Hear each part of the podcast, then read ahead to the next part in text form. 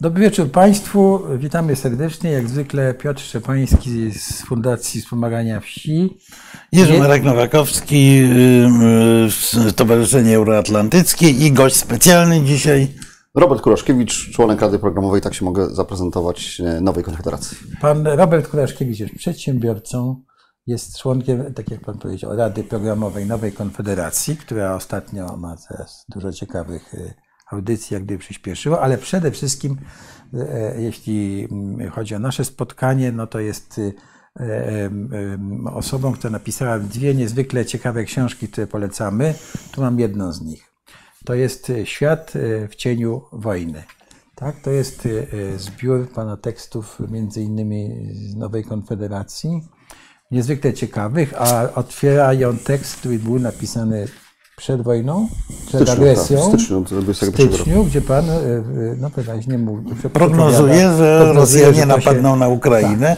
Tu muszę powiedzieć, byłeś lepszy ode mnie, bo ja nie wierzyłem, znaczy wierzyłem w racjonalność Rosjan, że nie napadną. Tak, i nawet żeśmy to wyrażali tutaj, że w zasadzie nie wiemy, no raczej nie, no ale, ale e, e, mm, chociaż e, Marku przedstawiałeś dużo argumentów za, Tak, tak? Że tak, ale, ale liczyłem Ale- na, zakładałem jednak racjonalność, okazało się, Ale- że to było błędne myślenie. To znaczy tak, to, to, to jeżeli mogę y, się do tego odnieść na samym początku, Tak. bo oczywiście bo od tego się książka zaczyna, no to właśnie ja też y, zakładałem ogromną racjonalność po stronie e, Putina i bardzo nie lubię, kiedy się twierdzi, że, e, że Rosjanie e, to są jacyś szaleńcy, że Putin Oczywiście, jest że nie. szaleńcem i tak dalej. E, A dlatego ta książka się zaczyna tym tekstem, że nie chodzi tylko jakby o przypomnienie historyczne, e, no, ale pokazanie e, mojej metody myślenia, tak? Dlatego, że ja wychodziłem z założenia, że właśnie Putin nie, nie dokonuje inwazji na Ukrainę, czy nie dokona wtedy, pisałem, że nie dokona inwazji na Ukrainę z perspektywy odbudowy Starego Świata, tylko że jest to element budowy nowego świata, tak? Że, że Putin chciał, e, wiedział, że jego czas i czas Rosji mija, e, po to, żeby e, zrealizować swój podstawowy cel polityczny, a jego celem było, przypomnę, e, doprowadzenie Rosji do takiej sytuacji, gdzie będzie jednym z głównych mocarstw globalnych w ramach nowego koncertu mocarstw, czyli razem z Chinami i Stanami Zjednoczonymi.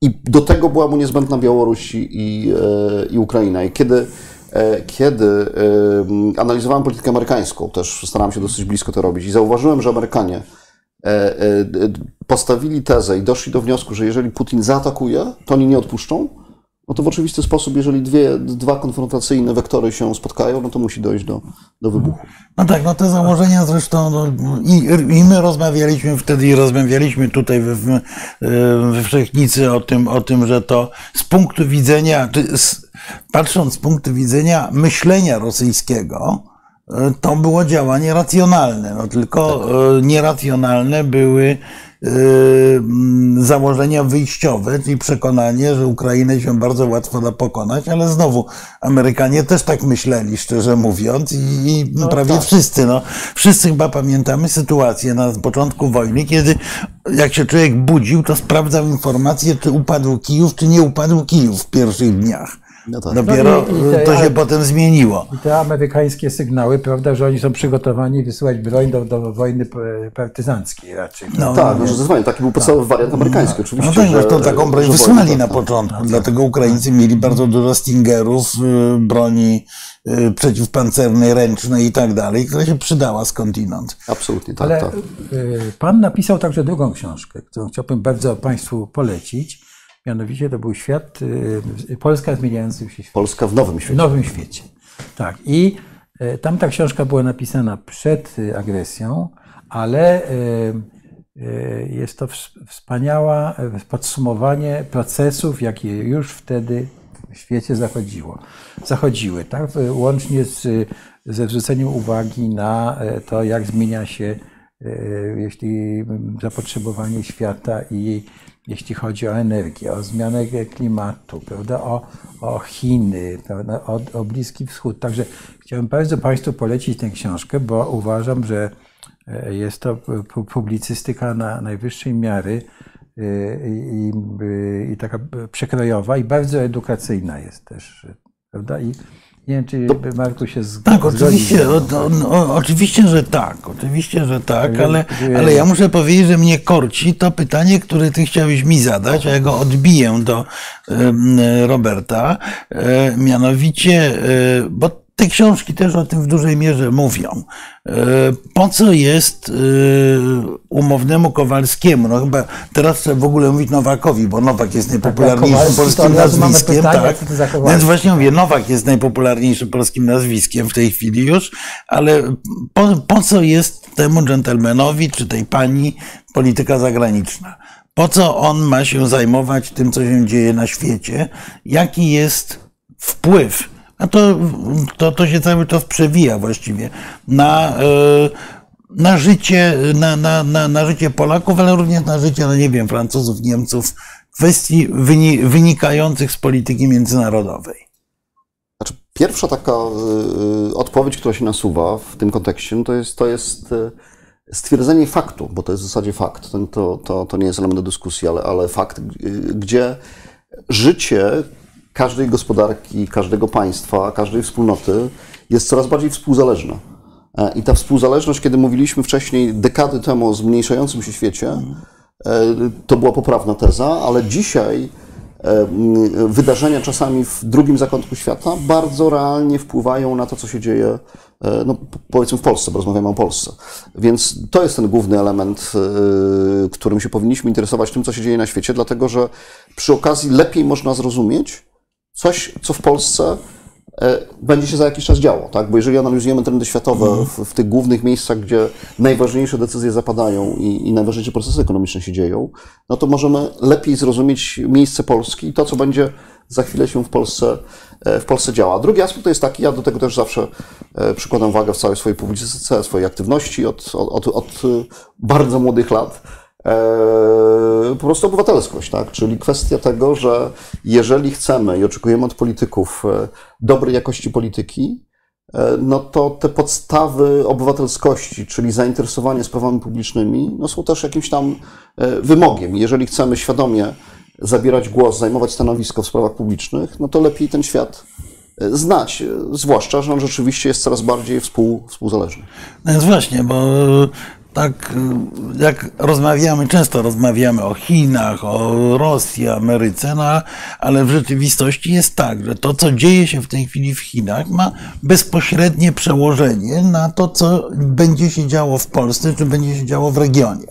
No, mamy oczywiście tę wojnę, która jest jakimś takim kamieniem milowym, która kompletnie zmienia przecież naszą perspektywę z bardzo wielu, z bardzo wielu punktów. Zmienia naszą perspektywę na kwestię w tej chwili gorącą, czyli uchodźców, czyli to, że mamy w Polsce no, od 5 do 9% obcokrajowców, którzy w Polsce mieszkają. To jest doświadczenie nowe, właściwie od po roku 1939 yy, kompletnie zmienia się no, skład polskiej ulicy. No, jak ja dzisiaj szedłem, dzisiaj szedłem na, na, nasze spotkanie, no to minąłem dwie osoby rozmawiające po angielsku, cztery osoby rozmawiające między sobą po ukraińsku i tak dalej. No, jeszcze 20 lat temu to człowiek by się odwracał, na, na,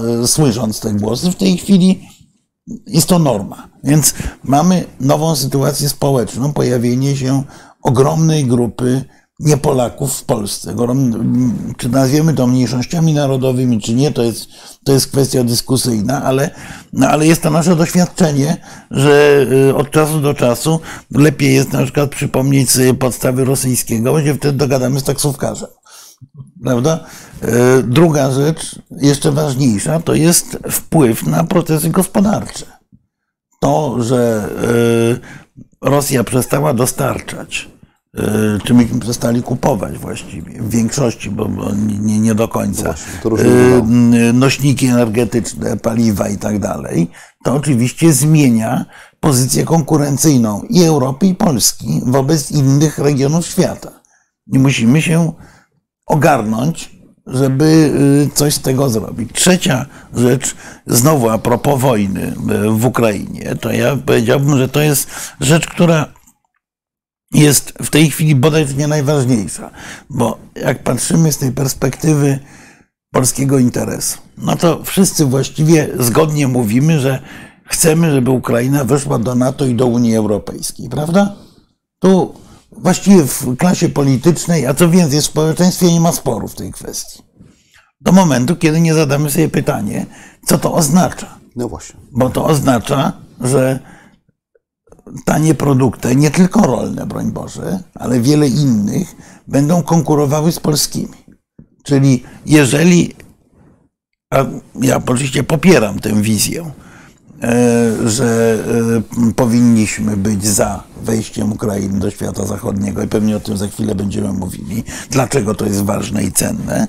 Zresztą piszesz o tym, z połowy tej książki jest temu tak naprawdę poświęcone.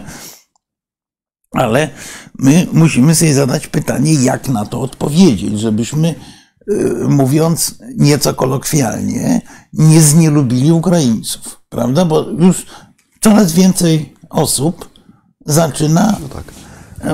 No dobrze, no to pomagamy tej Ukrainie, ale no to oni powinni być wdzięczni i nie sprzedawać nam swojego zboża na przykład, prawda? Czy swoich malin, czy czegokolwiek innego, bo lista jest bardzo długa i nie kończy się na produktach rolnych. Oczywiście.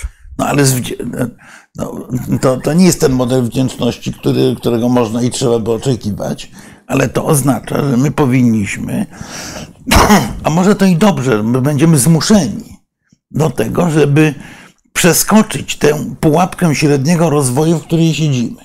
Prawda? Bo my siedzimy, to tutaj się rzadko zgadzam z premierem Morawieckim, ale z jego wczesną tezą, że Polska ugrzęzła w pułapce średniego rozwoju, się zgadzam. E, o tyle, że my cały czas konkurujemy względnie tanią pracą, e, mm, względnie prostymi względnie prostymi elementami y, produkcji rolnej, przemysłowej i tak dalej. Więc jeżeli Ukraina wchodzi do Unii Europejskiej, jeżeli daj Boże Białoruś wchodzi w jakiejś dalszej przyszłości do Unii Europejskiej, no to, to my z nimi tanią pracą i prostymi, y, prostymi produktami nie, nie będziemy w stanie konkurować. Wobec tego musimy Y, sami siebie przerobić na kraj nowoczesny, zmodernizowany, y, oferujący wyż, usługi wyższego szczebla i oferujący zdolność przetwarzania no tego tak, tak produktu, tak, tak. prawda?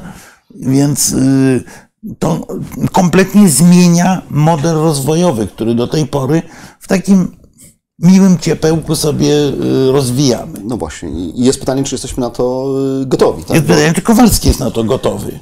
No, nie wiem, czy Kowalski, ale pytanie, czy, jest, czy politycy są gotowi, czy państwo jest na to gotowe. To moim zdaniem jest ważniejsze, tak? bo Kowalski się moim zdaniem zaadoptuje. Mhm. E, ale to, co, to, co zacznę od, od, od tego ostatniego wątku, e, e, bo myślę, że on jest kluczowy. Także my bardzo często oceniając e, właśnie procesy polityczne czy, czy, czy wydarzenia polityczne, oceniamy po pierwsze, e, tak powiedziałbym, romantycznie, e, zamykamy oczy na rzeczywistość w tym sensie, że rzeczywistość polega na nieustannej rozwiązywaniu konfliktów interesów, mhm. grze interesów i poszukiwaniu w tym skonfliktowanym świecie elementów wspólnych, po to, żeby te sprawy posuwać do przodu. I z jednej strony ja od bardzo dawno krytykowałem takie romantyczne podejście do Ukrainy, czyli zamykanie oczu na mm. rzeczywistość, chociażby w kontekście tego zboża, tak. bo to jest rzecz, która, e, która w tej chwili jest jakby powszechnie, e, nazwijmy to zrozumiała, bo to, to, o tym się wiele mówi i tak dalej. E, kiedy to nie jest problem, który się pojawił dwa miesiące temu, czy tak. miesiąc temu, tak? To jest problem, którym się już dyskutowało w połowie zeszłego roku. I to jednocześnie pokazuje, ten przykład pokazuje, w jaki sposób my, my w Polsce powinniśmy zmienić podejście do rozwiązywania wielu problemów, tak? Bo to jest to, co ja nazywam koniecznością przeskalowania polskiej polityki. Mhm. O co chodzi? Kontekstu relacji, chociażby zostańmy już w tym segmencie, y, przemysłu spożywczego, bo to nie jest kwestia tylko zboża, ale mhm. szeroko pojętego przemysłu tak. spożywczego, w jaki sposób my powinniśmy szukać rozwiązania jako Polska? Nie bezpośrednich między Polską a Ukrainą, ale przeskalować na propozycję, koncepcję funkcjonowania poprzez całą Unię Europejską. Tak. Bo dzisiaj mamy taką sytuację, o czym pisałem wiele miesięcy temu, tak? że będzie taka sytuacja, jeżeli będziemy e, prowadzili tylko politykę, która nie proponuje rozwiązań, a reagowali krótkoterminowo, mm. te rozwiązania będą zapadały między Berlinem, Paryżem a Kijowem. I dzisiaj mamy tego rodzaju sytuację. Tak? My jesteśmy wyłączeni z głównych elementów dyskusji o modelowym rozwiązaniu dotyczącym sektora e, rolnego. Ja, I- ja, ja, ja bym powiedział- nie jesteśmy wyłączeni, sami się wyłączamy. No w tym sensie, absolutnie.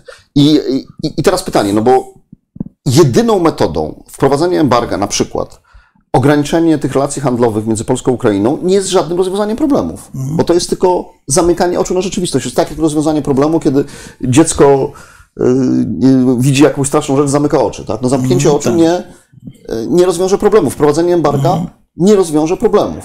Znaczy, Polska więcej jest- stworzy większy problem. stworzy większy problem, dokładnie tak. Polska jest w takim miejscu, że powinna mieć już w zeszłym roku, a tym bardziej teraz, koncepcję długofalowych rozwiązań tego rodzaju problemu jednocześnie takich, które uwzględniają polski interes.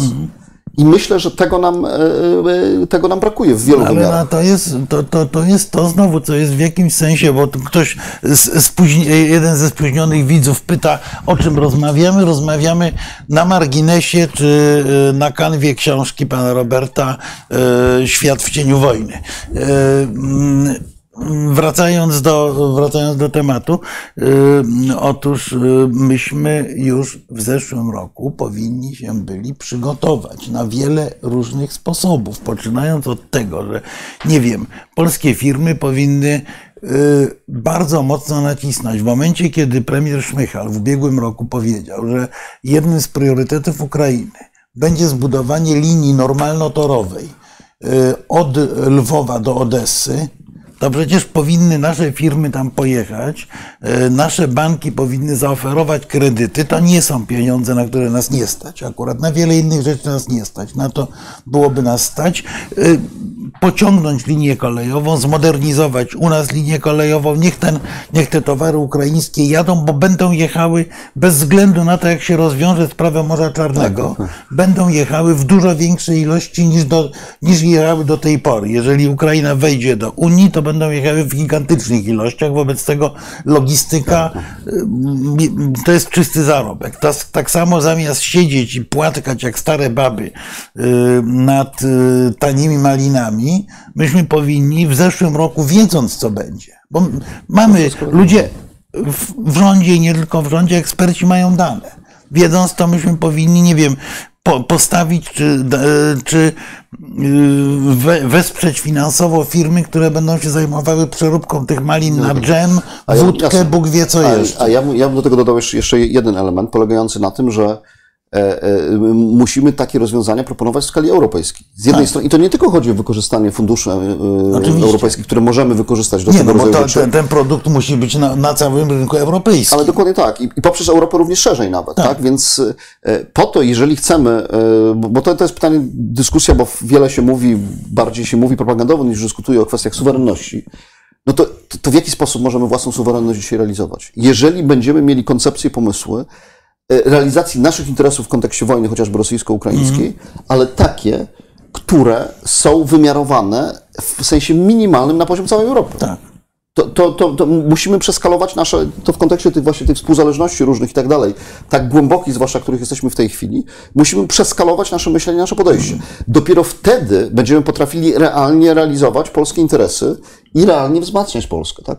Więc to jest jak gdyby ten, nie, nie, nie, nie, to nie jest tak, że dzisiaj kontekst nawet naszych relacji polsko-ukraińskich możemy rozpatrywać w punkcie wyjścia tylko na poziomie polsko-ukraińskim. To jest za mało, bo tutaj nie znajdziemy rozwiązań.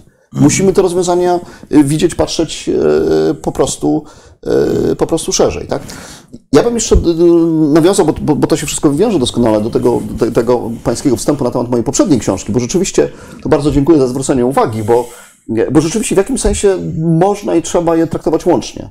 E, W tym sensie, że ja e, no, pamiętam, jak z, e, z szefem Nowej Konfederacji rozmawiałem z Bartkiem Radziejewskim na temat właśnie wydania książki. Zaproponowałem tytuł, który pokazywał moją wizję właśnie pierwszej połowy XXI roku, kiedy zaproponowałem Polskę w nowym świecie, dlatego że kategoria zmian geopolitycznych, geoekonomicznych, która się dokonywała na świecie, No ja właśnie wtedy twierdziłem, że, że, że nie możemy mówić, to, to nie jest kwestia pewnych zmian ciągłych, to jest zmi- zmiana pewnych paradygmatów politycznych.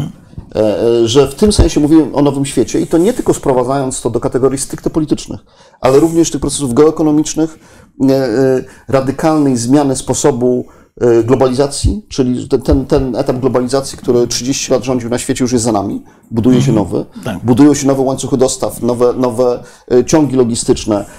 Y, Jest przełożenie akcentów, że tak powiem, w pewnych kwestiach gospodarczych ze starej gospodarki na nową.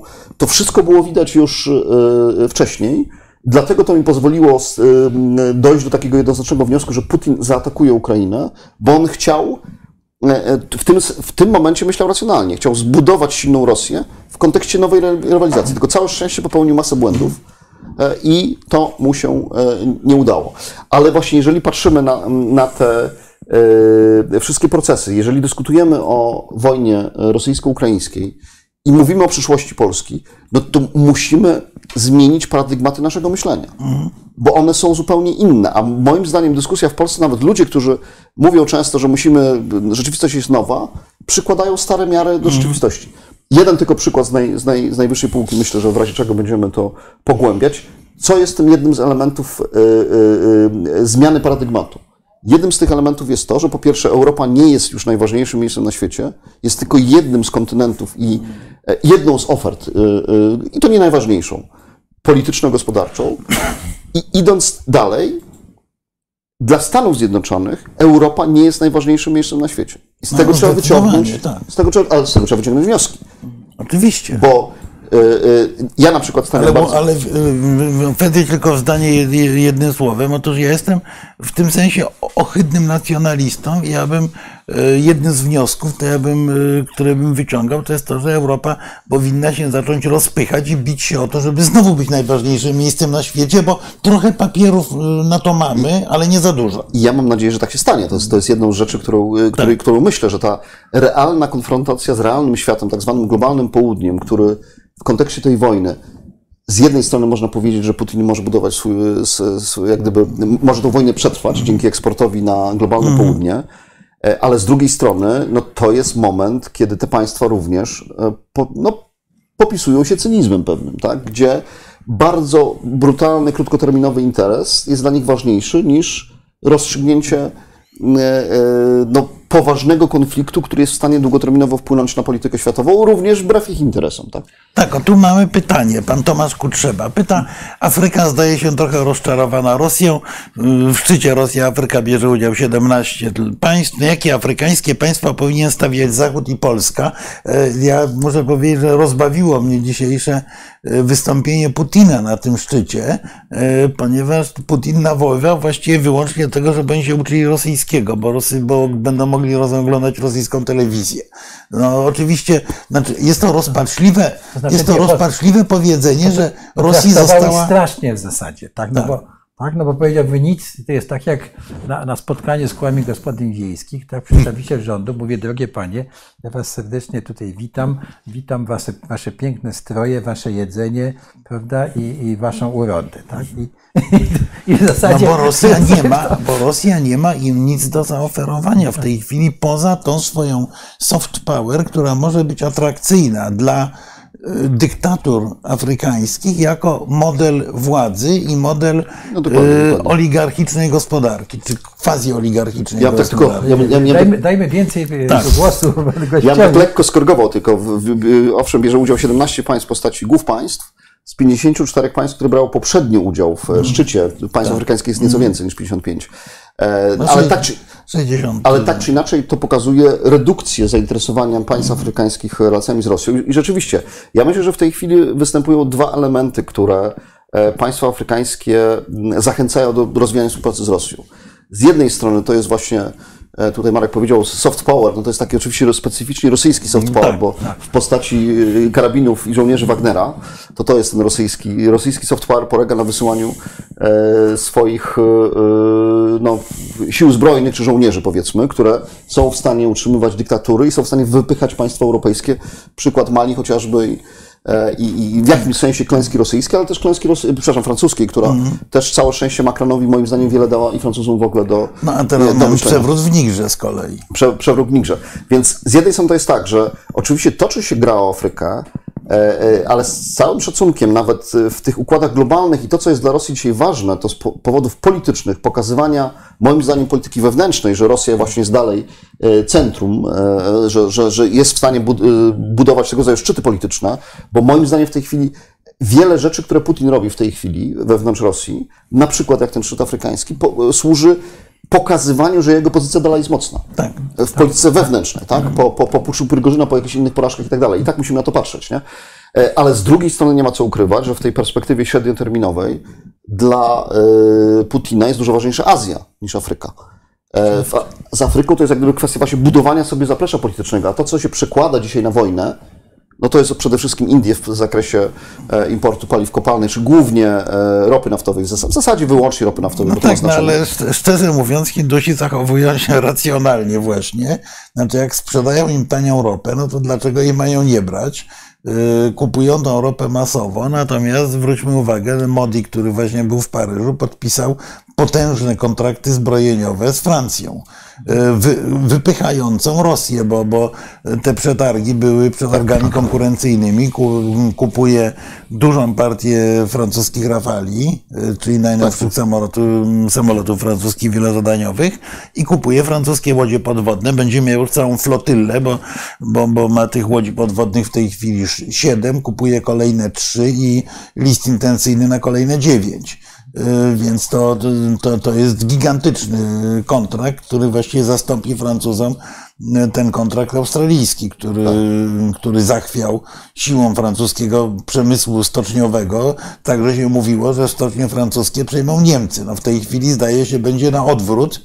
Yy, Ale, ale ewidentnie jest to gra Indii pokazująca, że oni nie chcą być w tym y, przeklętym trójkącie rosyjsko-chińsko-amerykańskim, próbują grać na własny No rachunek. tak, tak, tak. Ale wracając, y, wracając do Rosji, tak, no i w kontekście y, Afryki tak zwanego globalnego południa, e, no to Rosja stara się wykorzystywać te elementy w, sensie, w tym sensie, że to ratuje e, gospodarkę dzisiaj rosyjską, eksport e, głównie e, surowców, paliw kopalnych, przede wszystkim ropy, bo e, eksport gazu jest w daleko idącym stopniu ograniczony z oczywistych względów, że, e, że e, Rosja nie jest w stanie eksportować takich ilości gazu i za takie, za takie pieniądze do e, innych części świata niż do Europy.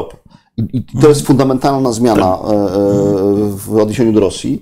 Mało tego, kiedy Rosja będzie chciała wrócić na te e, rynki europejskie, bo trzeba sobie szczerze powiedzieć, że za parę lat na pewno będzie chciała wrócić, no to już będzie, sytuacja będzie w dalekim idącym stopniu inna.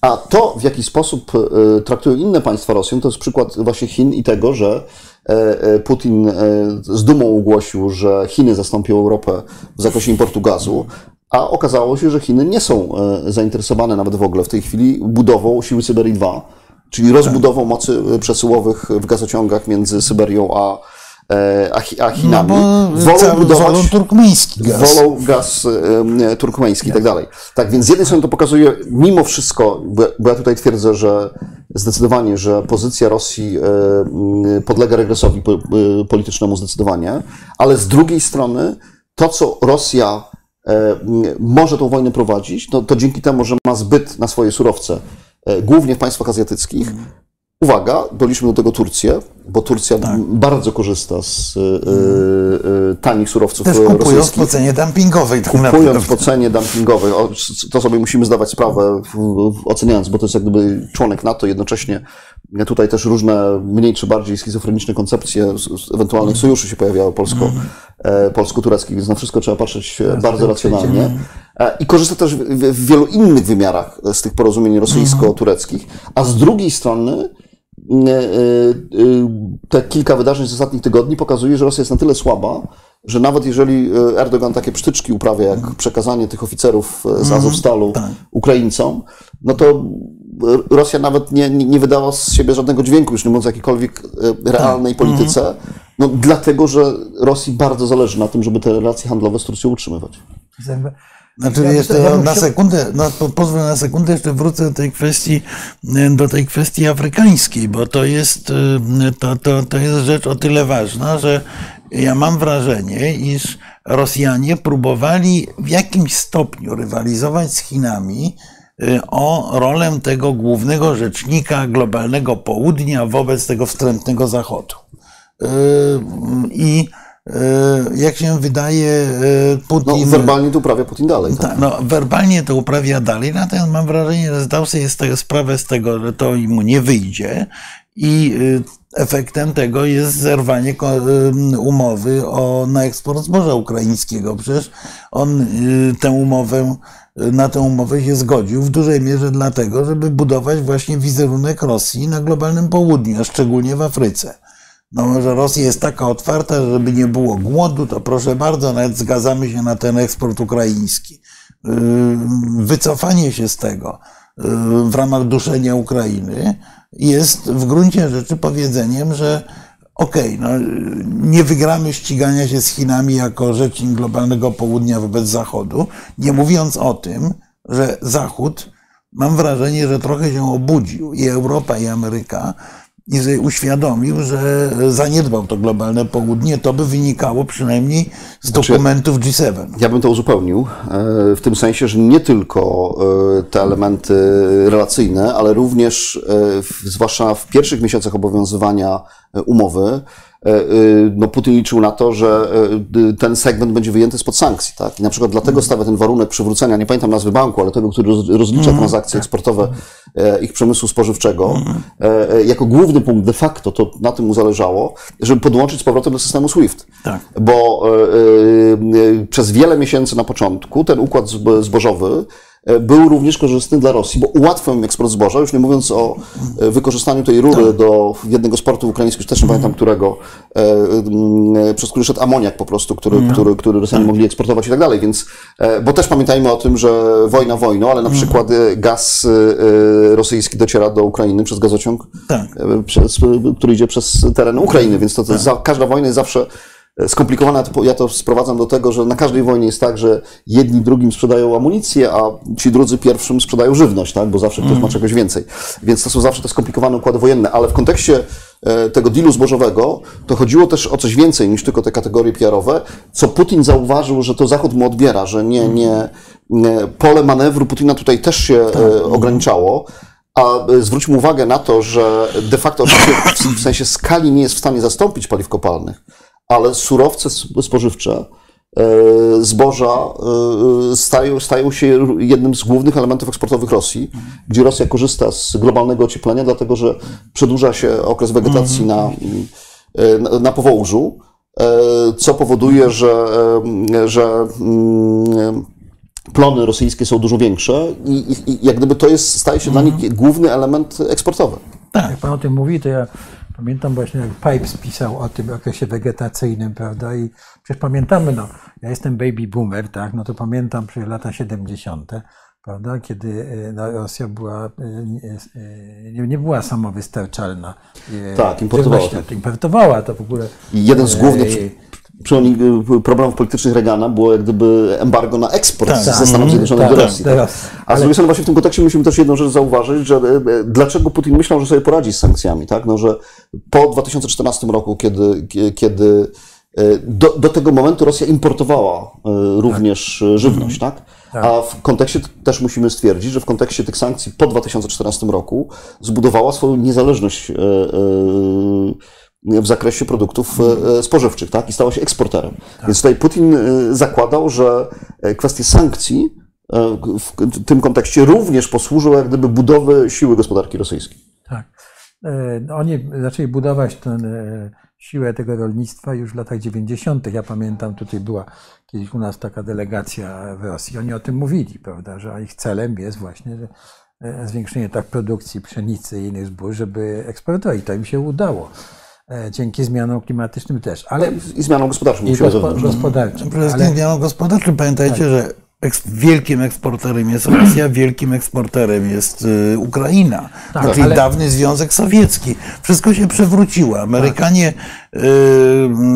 Do końca XX wieku byli wielkim importerem surowców energetycznych, w tej chwili są największym tak. eksporterem. Tak, to, Rosja jeszcze nie największym, ale, ale bo tutaj producentem, na, tak, producentem największym, ale nie ale, ale tutaj jak mówimy o tej pszenicy prawda, i produkcji, to nagle zaczynają wyrastać nowe potęgi produkcji zbóż, bo na przykład Brazylia zaczyna być ważnym eksporterem zboża. I to jest ciekawy proces, który moim zdaniem trzeba obserwować, bo być może Putin się przejedzie na tej swojej koncepcji tego, bo nagle okaże się, tak jak już się okazuje, że na, na rynkach zboża jest dosyć dużo.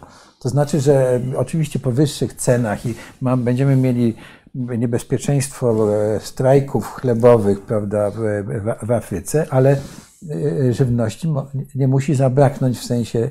Znaczy, tak, e, tak, ale ja bym chciał wrócić do Polski, dobrze, bo od tego zaczęliśmy i no, mamy ten kłopot właśnie z tym, z, z naszą polityką zagraniczną i prawdopodobnie nie tylko. I chciałbym panów zapytać, to, to, jak dzisiaj należałoby zdefiniować, co to jest suwerenność takiego kraju jak Polska? No bo mamy tego e, e, jednego z ministrów, który ma mnóstwo reklam, jestem prawda, za suwerennością Polski, prawda, i to, i to ciągle ta, z, w nazwach niektórych partii się przewija, ale jak należałoby dzisiaj w tym nowym świecie zdefiniować, co to jest suwerenność e, tak, bardzo, bardzo dobre pytanie, jednocześnie bardzo ciężkie, tak? Ja, No ja tutaj tym, ale bo- w różnych sprawach bo- staram się definiować tego rodzaju problemy, bo w różnych kwestiach właśnie e, w dyskusji mówimy- dochodzimy do wniosku, że nie, że nie są zdefiniowane właśnie, Ja, tak? e, mówiliśmy tutaj o, o tym, że o Kowalskim, prawda? I o tym, że bardzo byśmy chcieli, żeby,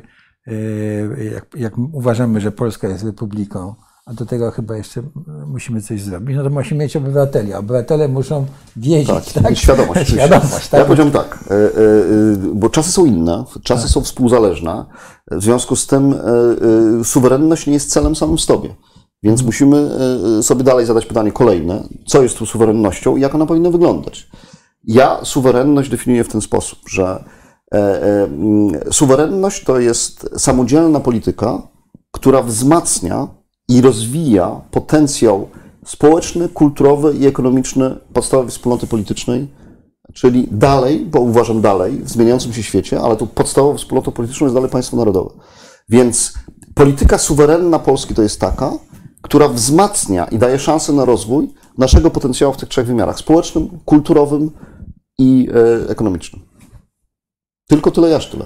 E, Znaczy, no tak, znaczy, e, tylko, tylko to jest ta najprostsza definicja, natomiast e, suwerenność rozumiana jako sprawczość, jako e, zdolność. Ale ona musi czemuś służyć No właśnie. tak, zgoda, ale. Nie sama sobie. No, zgoda. Natomiast właśnie suwerenność rozumiana jako zdolność państwa polskiego na wpływanie na bieg spraw światowych, to z kolei y, wprowadza nas w trudną debatę o udziale w formatach wielostronnych, których w tej klasycznej debacie o suwerenności właściwie nie było, bo, bo Unia Europejska jest bytem absolutnie y, unika, unikalnym czy unikatowym, jak się podobno powinno prawidłowo mówić w, w rzeczywistości międzynarodowej. W istocie NATO pełni bardzo podobną rolę.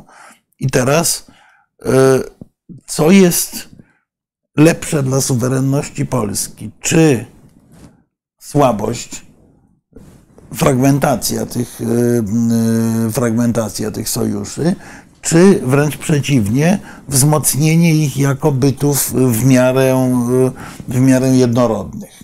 W wypadku NATO, no tutaj sprawa jest o tyle prostsza, że NATO to jest Ameryka, Stany Zjednoczone i reszta. Y, Natomiast w wypadku Unii Europejskiej to już tak nie jest. Właśnie. Ja tutaj y, pozwolę sobie zacząć jeszcze od, bo tutaj jeden z y, widzów zwrócił uwagę, y, pisząc o tym, że przyjechali przedstawiciele 49 państw afrykańskich. To prawda. 17 głów. 17 głów państw, ja mówiłem, nie 17 przedstawicieli, więc y, to, to, to, to, to, to tak, skorygowałem tak. e, korektę. E, Inni przedstawiciele innych państw są na dużo niższym szczeblu, Tak. najczęściej czasami ambasadorów, czasami wiceministrów nawet i tak dalej, więc to też jednocześnie pokazuje właśnie to podejście. zwrócił uwagę, jak, na co, jak trzeba patrzeć na szczyty, tak? To przyje... Tak, Absolutnie, Tak, znaczy, bo jakby- zawsze tu mówimy o działaniach dyplomacji. Kwestie prawda? prestiżu są Kwestii, jednym z tak. integralnych elementów e, skuteczności dyplomacji. Tak, ale nasi widzowie są naprawdę wspaniali i bardzo wyrobieni. Także Ale, tak. ale wracając do pytania, bo to jest, e, e, może też nawiązać do, do, do, do Twojego pytania wcześniej w kontekście właśnie relacji polsko-ukraińskich, bo, bo co się dzieje i o czym bardzo mało dzisiaj w Polsce dyskutujemy, bo ja właśnie uważam, że jednym z elementów zmiany paradygmatów i zmiany realnej polityki wewnątrz Unii Europejskiej jest kwestia ukraińska. To znaczy, e, e, Jesteśmy zwolennikami, głównie z tego względu, żeby wypychać Rosję z Europy, bo uważam, że ten proces trwa i on jest bardzo korzystny dla Polski, bo Putin doprowadził do tego, że wyprowadził de facto, co oznacza wypychanie, bo tutaj muszę powiedzieć, e, Rosji z Europy. E, Nie tylko gdzie- gdzie ta Rosja graniczy i z kim, ale od początku XVIII wieku, od czasu tej wizji modernizacyjno-zachodniej Piotra Wielkiego, Rosja jest integralnym elementem polityki europejskiej, czyli rości sobie prawo do tego, żeby wpływać na decyzje wewnątrz polityki europejskiej. Właśnie od tego czasu. Moim zdaniem dzisiaj Putin wyprowadza Rosję i dzięki stanowczości Zachodu wyprowadza Rosję z Europy. I to jest absolutnie w naszym interesie, bo każda obecność Rosji, właśnie w tym kontekście, o którym mówię, czyli chęć e, i przyznawanie sobie prawa do wpływania na porządek europejski, musi się odbywać kosztem Polski. Z oczywistych względów, bo tak właśnie geopolityka decyduje, tak geografia decyduje. Więc jeżeli my wypychamy e, Europę z Rosji, to zwiększa się poprzez sam fakt w sobie potencjał i możliwości polityki Polski. Więc to jest jakby w tym sensie korzystne. No to myśmy, my, my, myśmy o tym tu parę razy mówili, ale- też ale- mówiąc ale właśnie zobacz, ale w, dajmy tym, w, tym, w tym sensie, że to jest e, w tym sensie, że to, to jest jest historyczna szansa dla Polski. Absolutnie, bo to jest połowa mojej wypowiedzi. Ale idąc dalej. Nie możemy, ja dlatego na przykład w polemikach i dyskusjach różnych bardzo mocno protestowałem polemizowałem z koncepcjami właśnie Federacji Polsko-Ukraińskiej, e, jakiegoś takiego modelu, modelu polsko-ukraińskiego i tak dalej, dlatego że to jest, e, to jest kompletnie nierealne patrzenie na rzeczywistość. Tak? A z drugiej strony, co jest? E, też bardzo wyraźnie stawiam taką tezę i to w wielu miejscach no, spotyka się z ciężką dyskusją, bo to jest oczywiście wbrew takiej polskiej tromtadracji. Ja to też w oczywiście uproszczony sposób opisuję. Ukraina tą wojnę z Polską by przegrała, a ze strukturami Zachodu ma szansę wygrać. Oni nie są głupi, oni, oni to widzą, tak? Więc co powoduje szansę na wygranie tej wojny z Rosją i wypchnięcie Rosji z Europy? Nie siła Polski, nawet pięć razy większa niż dzisiaj dysponujemy, tylko realna siła struktur Zachodu. Obu. Bo one, ob, te struktury obie odgrywają, na to też zwracam uwagę i właśnie to chyba ta polska kultura ciągle powoduje, że o finansach ciągle nam się trudniej rozmawia. Bo to nie jest kwestia uzbrojeń tylko, o czym ja właśnie piszę konsekwentnie i w mojej książce e, w różnych aspektach tą sprawę pokazuję, ale sprawy ekonomiczno-finansowe. Tak. Bez broni Ukraina by się nie broniła, ale bez finansów Zachodu Uk- Ukraina by również upadła. Tak? I musimy sobie z tego zdawać sprawę. To są jak gdyby aspekty wojny. To znaczy państwo, które nie będzie mogło wypłacać e, Dokładnie. e, pensji, to, to, tak. Dokładnie. Ale, ale, ale idąc dalej, więc w oczywisty sposób ewentualna integracja Ukrainy ze strukturami Zachodu, głównie z Unią Europejską, bo na to tu jest jak gdyby trochę, e, trochę sobie można te różne rzeczy łatwiej wyobrazić, e, będzie musiała się wiązać ze zmianą formuły funkcjonowania tej Unii. No, zero-jedynkowo. Ja to absolutnie stawiam zero-jedynkowo, bez złudzeń. To nie jest tak, że tylko Ukraina sobie wstąpi i będzie tak, jak było, bo nie będzie tak, jak było. Więc my, jakie jest wyjście dla nas, tak? Bo moim zdaniem, jeżeli ten proces się, a ja całe tezę, że już się stał, że w tej chwili to jest główny nurt polityki polegający na tym, państw zachodnich również, że, że dominuje ta koncepcja, żeby jednak w jakiejś perspektywie oczywiście, to nikt nie powie, że to będzie za rok, dwa, trzy, e, bardziej pewnie za pięć bliżej niż, niż rok, dwa, trzy, najszybciej, E, ale to jest główny nurt, tak? Mm, e, Więc tu będzie trwała dyskusja i koncepcja, w jaki sposób tą nową formułę zbudować. My możemy się skoncentrować tylko na protestowaniu, ale to rzeczywistość nie zmieni. no właśnie Albo my możemy mieć propozycję, Chciałbym, żeby Pan tak jeszcze wyjaśnił, na, bo Pan powiedział, już się stało, tak? Znaczy już się za- zadziało, tak? Żeby tak jeszcze doprecyzować dla e, naszych e, widzów, prawda, i innych, którzy będą to oglądali, co się takiego zadziało. Znaczy, ja stawiam taką tezę, że e, e, ten, ten główny przełom się dokonał w, w Niemczech, ale moim zdaniem widać go też we Francji. Na czym on polega? Niemcy oczywiście e, po pierwsze, bo to jest pytanie zasadnicze, Niemcy po pierwsze oczywiście ich model rozwoju gospodarczego się skończył. On był oparty e, po części w kontekście tej wojny, ale nie tylko. To będzie Putin- cię, ciężko to przejdą, ale Putin, tak, tak, my, my, my też będziemy ponosili też, tego koszty, tak, ale to, to, to może za chwilę. Ale o co chodzi? E, Putin paradoksalnie im pomógł, bo ścieżka, którą już, rozwijał się model gospodarki niemieckiej, już był dobry w starej gospodarce, ale nie w nowej. Oni jechali na ścianę. Bo pro, jechali na ścianę tak czy inaczej, niezależnie od tej wojny. tak. I jeszcze oczywiście mogli sobie przedłużać. E, e, I teraz tak, teraz powiem e, rzecz, która właśnie pokazuje dylemat polityki niemieckiej, czyli budowy jej potęgi ekonomicznej. Z jednej strony, i problem, który ma cała Europa dzięki temu, bo tak, co prawda w zeszłym miesiącu już Volkswagen nie stał się, przestał być koncernem, który sprzedawał najwięcej samochodów w Chinach. e, to koncern e, ten e, BYD, e, w- e, BYD, tak, jeszcze nie będę rozwinięcia, jest największym w tej chwili sprzedającym samochody e, w Chinach. Dzięki czemu? Dzięki temu, że sprzedaje samochody elektryczne. Wbrew całej e, propagandzie i mówieniu o tym, że to Niemcy to, to jest jak gdyby kwestia e, e, tych zmian gospodarczych, tych, tych technologii magazynowania energii, samochodów elektrycznych i tak dalej, to Europa jest dzisiaj daleko w tyle, przede wszystkim wobec Chin. A najwięcej samochodów spalinowych i w Europie, i w Chinach sprzedają Niemcy. Francja, jeżeli w tej chwili naciska na ograniczenia importowe, bo jaka chmura się zbliża? Ja właśnie bo lubię mówić o przyszłości, czasami mam z tym problem, bo jak mówię, to ludzie traktują to jako, powiedziałbym, przepraszam za kolokwializm, odlot, a potem za jakiś czas to się dzieje. Jaka chmura wisi nad gospodarką europejską w tej chwili, którą za, która za chwilę yy, będziemy ją widzieć bardzo wyraźnie? To jest chmura ekspansji chińskiej w zakresie samochodów elektrycznych. Tak. Oni osiągnęli skalę, potencjał, skalę kosztową również, więc ich samochody w perspektywie niewielu, kilku lat, dwóch, trzech, będą mega konkurencyjne e, i e, e, Europa w ogóle nie ma potencjału, żeby realnie na zasadzie samochód do samochodu konkurować z tymi samochodami. Francuzi proponują już w tej chwili politykę ochrony rynku europejskiego, a Niemcy są złapani w rozkroku, bo nie stać ich na to, dlatego że takie szybkie kroki spowodowałyby ograniczenie ich sprzedaży samochodów e, spalinowych, paradoksalnie w Chinach i tak dalej. To są te wątki, które właśnie pokazują, że to, się nie sprowadza tylko do kwestii rosyjskiej. Ale wracając do, No nie, no Chiny są tutaj wręcz ważniejsze. tak, tak, tak, ale nie, bo, bo tu- tutaj py- pytaliśmy kontekst też, e, też Rosji, w kontekście Ukrainy, tak? Dlaczego uważam, że to się już stało? E, Że, że właśnie ten model rozwoju, Niemcy sobie zdali sprawę, budowy ich potęgi gospodarczej się skończył. To już post factum do nich dotarło. To, to nie ma powrotu. Ja dlatego mówię, że jak, jak, jak są te koncepcje, że Niemcy myślą o tym, co mnie bardzo irytuje, o powrót do status quo ante, business as usual, marzą o tym i tak dalej, mówię, no way, nie ma możliwości, dlatego że nie ma status quo ante. Quo ante nie ma. To zniknęło, nie ma do czego wracać. Ten dom, który stał, już go nie ma. Więc musimy sobie zdawać z tego sprawę po prostu, tak? I to pokazuje skalę tych zmian właśnie, zmianę tych paradygmatów. Więc co moim zdaniem państwa europejskie sobie zdaje sprawę, bo też musimy jedną rzecz stwierdzić. Poza oczywiście Ukrainą, bo to jest jak gdyby temat sam w sobie, która ponosi ogromne ofiary tej wojny, poza kosztami dla Rosji, to kto ponosi największe koszty tej wojny? Europa.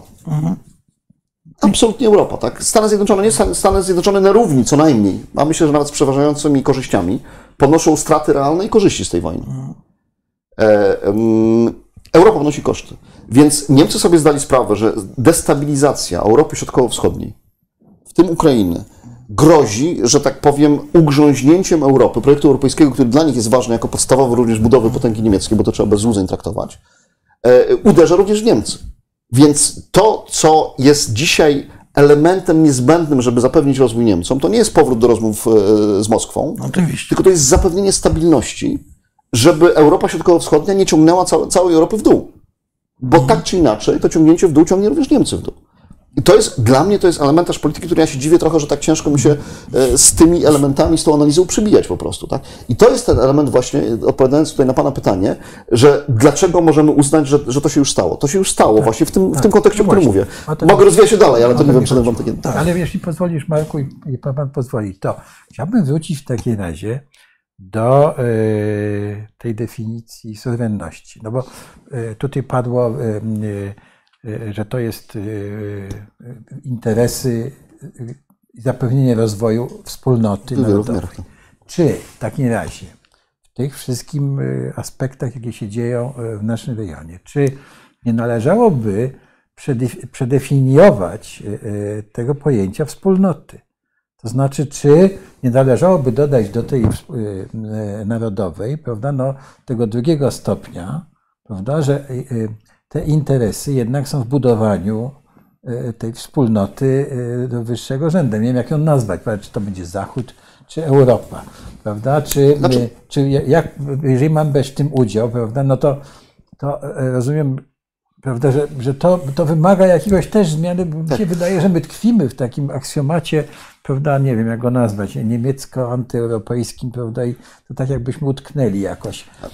Już. Znaczy tak, z, z, zgadzam się z tym końcem właśnie, w tym sensie, że musimy, ja na przykład nastawiam w tym, tym eseju Tak. specjalnym na, potrzeby- na, na, podsta- na podstawie, e, znaczy na potrzeby tej książki napisanej, e, no stawiam też e, tezę, która też się spotkała no, z ostrą reakcją, że musimy zmienić swoje podejście do Niemiec, tak? Bo zmiana geopolityczna, geostrategiczna, również położenia Polski versus Niemcy, czyli zniszczenie tego przekleństwa, które wisiało nad Polską w postaci e, niemieckich Prus, które, de facto zostało zlikwidowane, e, i szerokie oparcie Polski o morze, bo jesteśmy bardzo szeroko oparci o morze, tak jak w zasadzie, no, może w kategoriach już nawet nie setek lat, ale Tak, tysięcy traktować. Samo to musimy sobie zdać sprawę, że zmienia, powinno zmienić jak gdyby sposób patrzenia na Polskę, na pozycję Polski geoekonomiczną, również wewnątrz Europy. E, To jest e, jedna sprawa. Druga sprawa do tych kwestii nieco bardziej teoretycznych, no to, to moim zdaniem dzisiaj to nie są kwestie sprzeczne. To, to, to nie jest tak, że, że jest coś, co powinniśmy w kontekście myślenia o budowie potencjału tej wspólnoty narodowej e, kłaść na ołtarzu, czy, czy, czy zmieniać swoje podejście w postaci budowy szerszej, szerszej struktury. Nie, ja uważam inaczej właśnie, że, e, e, że to jest dalej podstawa, bo moim zdaniem nic w sensie wartości kulturowych, które człowiekowi pomaga wrastać, jak gdyby efektywniej się rozwijać, bo, bo, bo, bo, w tym sensie funkcjonalnym również, tak? Niż wspólnota narodowa po prostu nie ma.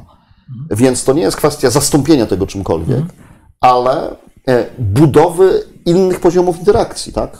Budowy rzeczywiście, e, ja powiedziałem tam, zmieniłbym akcenty trochę, że e, jest teraz szansa w, tym, w kontekście tej wojny, właśnie podejścia globalnego południa, paradoksalnie, żeby to jest też szansa dla Zachodu. Można powiedzieć, że w kontekście wojny rosyjsko-ukraińskiej to jest dziwne, tak?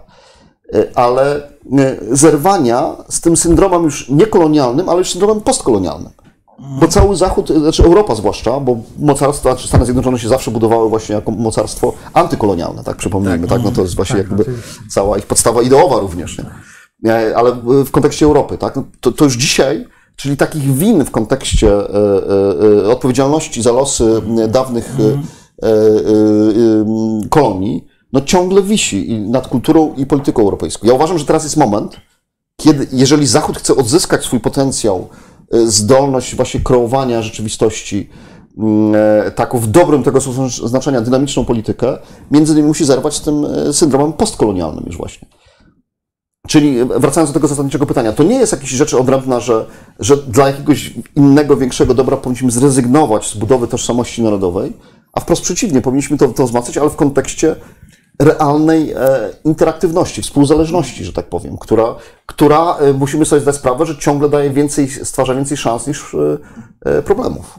Ale ja zwracam uwagę, że Unia Europejska jest bytem, który właśnie stawia na te narodowe tożsamości, narodowe kwoty w kulturze i tak dalej. Przecież to cały czas, cały czas jest, bo e, rzeczywiście Unia jest fenomenem pewnym, bo z jednej strony ja jestem wielkim zwolennikiem pogłębienia integracji politycznej Unii, Yy, żeby, bo Europa będzie się liczyła, jeżeli będzie występowała jako jeden podmiot. Jeżeli, będzie, jeżeli Europa da się podzielić, zresztą ulubioną, ulubioną, ulubionym sportem Władimira Putina i jego kumpli, yy, to wtedy jest za słaba. Nawet Niemcy nie są krajem, który ma we współczesnej, yy, w współczesnym świecie globalnym potencjał No tak, mocarstwowy. tak, tak. I, I dlatego, wch- wchodząc słowo, dlatego właśnie e, moim zdaniem docierające do Niemców rozumienie e, w kontekście właśnie Ukrainy i, i, i, tego, żeby ją dołączyć, tak to nazwijmy, do projektu europejskiego, właśnie biorących się z tych, e, tych elementów, bo to, co ja właśnie sta- stawiałem tę tezę w książce Polska w Nowym Świecie, tak, że, że świat kilka lat temu, że świat zmierza w kierunku regionali- regionalizacji, że to nie będzie powrót do takich autarkicznych państw, jak było po pierwszej fali globalizacji na przełomie XIX-XX wieku, która się skończyła pierwszą wojną światową, e, tylko e, nawet Stany Zjednoczone, bo nie przypadkiem e, e, dzisiaj wszystkie projekty ekonomiczne, chociażby Inflation Reduction Act, czy Chips and Science Act, czyli wszystkie elementy, które mają e, wspierać budowę tej nowoczesnej gospodarki amerykańskiej, są skalowane na poziom strefy wolnego handlu Ameryki Północnej, tak? czyli Stany Zjednoczone, Meksyk, Kanada. Czyli nawet Stany Zjednoczone widzą, że nie chcą ograniczać tych swoich projektów e, ekonomicznych do poziomu własnego, tylko całego kontynentu amerykańskiego. Nie, e, powstające te strefy wolnego handlu, dwie azjatyckie, tak? Tak. E, e, tutaj paradoksalnie, w innym wymiarze oczywiście, Europa była prekursorem. To oczywiście też miało inny wymiar, tutaj nie, nie, nie, nie, nie wnikajmy w tej chwili, bo to jest, to jest znowu osobny wątek. Ale rzeczywiście, moim zdaniem to jest dzisiaj tak, że trzeba przeskalowywać politykę własną i to jest to połączenie tych wartości państwa narodowego, wspólnoty narodowej w kontekście szerszych wspólnot, przeskalowywać politykę, bo jeżeli chcemy być, się liczyć jako Europa, jako państwo europejskie, jako Europejczycy w polityce światowej, to musimy przeskalowywać swoją obe- obecność w tej polityce światowej poprzez poziom europejski. w ogóle. Tak. Absolutnie. Absolutnie zgoda, bo ja, ja mam mm, taką, mm, takie przypuszczenie, że my zmierzamy ku nowemu koncertowi mocarstw, y, tak to ładnie tu zresztą na, nasz, na jednym z naszych spotkań jakiś czas temu profesor Byrski określał mocarstw cywilizacji. Takim mocarstwem cywilizacją są Chiny, takim mocarstwem cywilizacją są Indie w jakimś sensie, takim mocarstwem cywilizacją są Stany Zjednoczone plus, bo rzeczywiście Kanada i Meksyk zasadniczo są częścią rynku amerykańskiego i takim mocarstwem cywilizacją może być Europa, jeżeli nie da się podzielić. I ja bym powiedział, że realizacja naszego interesu narodowego jest taka, że jeżeli chcemy coś znaczyć w świecie, to możemy coś znaczyć w świecie jako uczestnik tej europejskiej drużyny. Pełna zgoda, tylko do- dorzuciłbym jeszcze jeden wątek, który jest tutaj e, zagrożeniem w kontekście alternatywy, e, takiego rozwiązania negatywnego, alternatywnego, bo jednak też nie możemy abstrahować od tego, że pewne wątki, e, nazwijmy to ideologiczne, które idą w kierunku budowy jednego państwa europejskiego i to jest zarządzającego przez taką warstwę mandarynów europejskich, czyli przez biurokrację brukselską, e, one też są obecne i one są e, moim zdaniem w tym kontekście e, szkodliwe, nie tylko w kontekście, że one idą wbrew rozwojowi tych wspólnot narodowych, które są częścią Unii Europejskiej, ale również szkodliwe w tym sensie, że są nierozwojowe, tak? że, że, że taki model bardziej zablokuje potencjał rozwoju Europy niż, niż ją wzmocni. Tak? No, to- są też elementy, które niestety są obecne. No, Od tego nie No, możemy no zgoda, natomiast znaczy, tu są dwie rzeczy. Jedna to jest ta biurokracja europejska.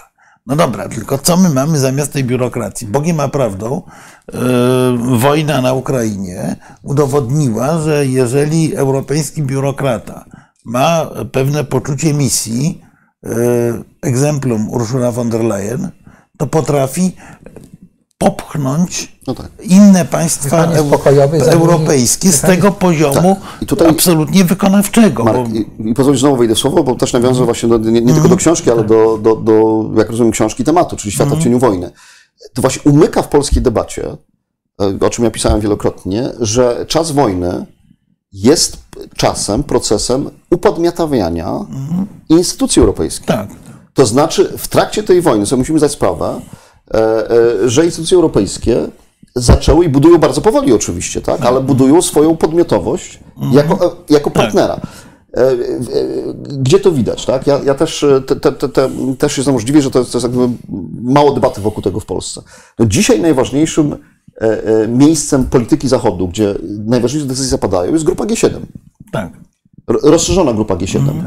gdzie też jednocześnie to pokazuje podejście Amerykanów, bo wiadomo, że Amerykanie mieli główny wpływ Mhm. na formułę jej działania, Tak, e, wagę przywiązywaną grupie G7 i tak dalej.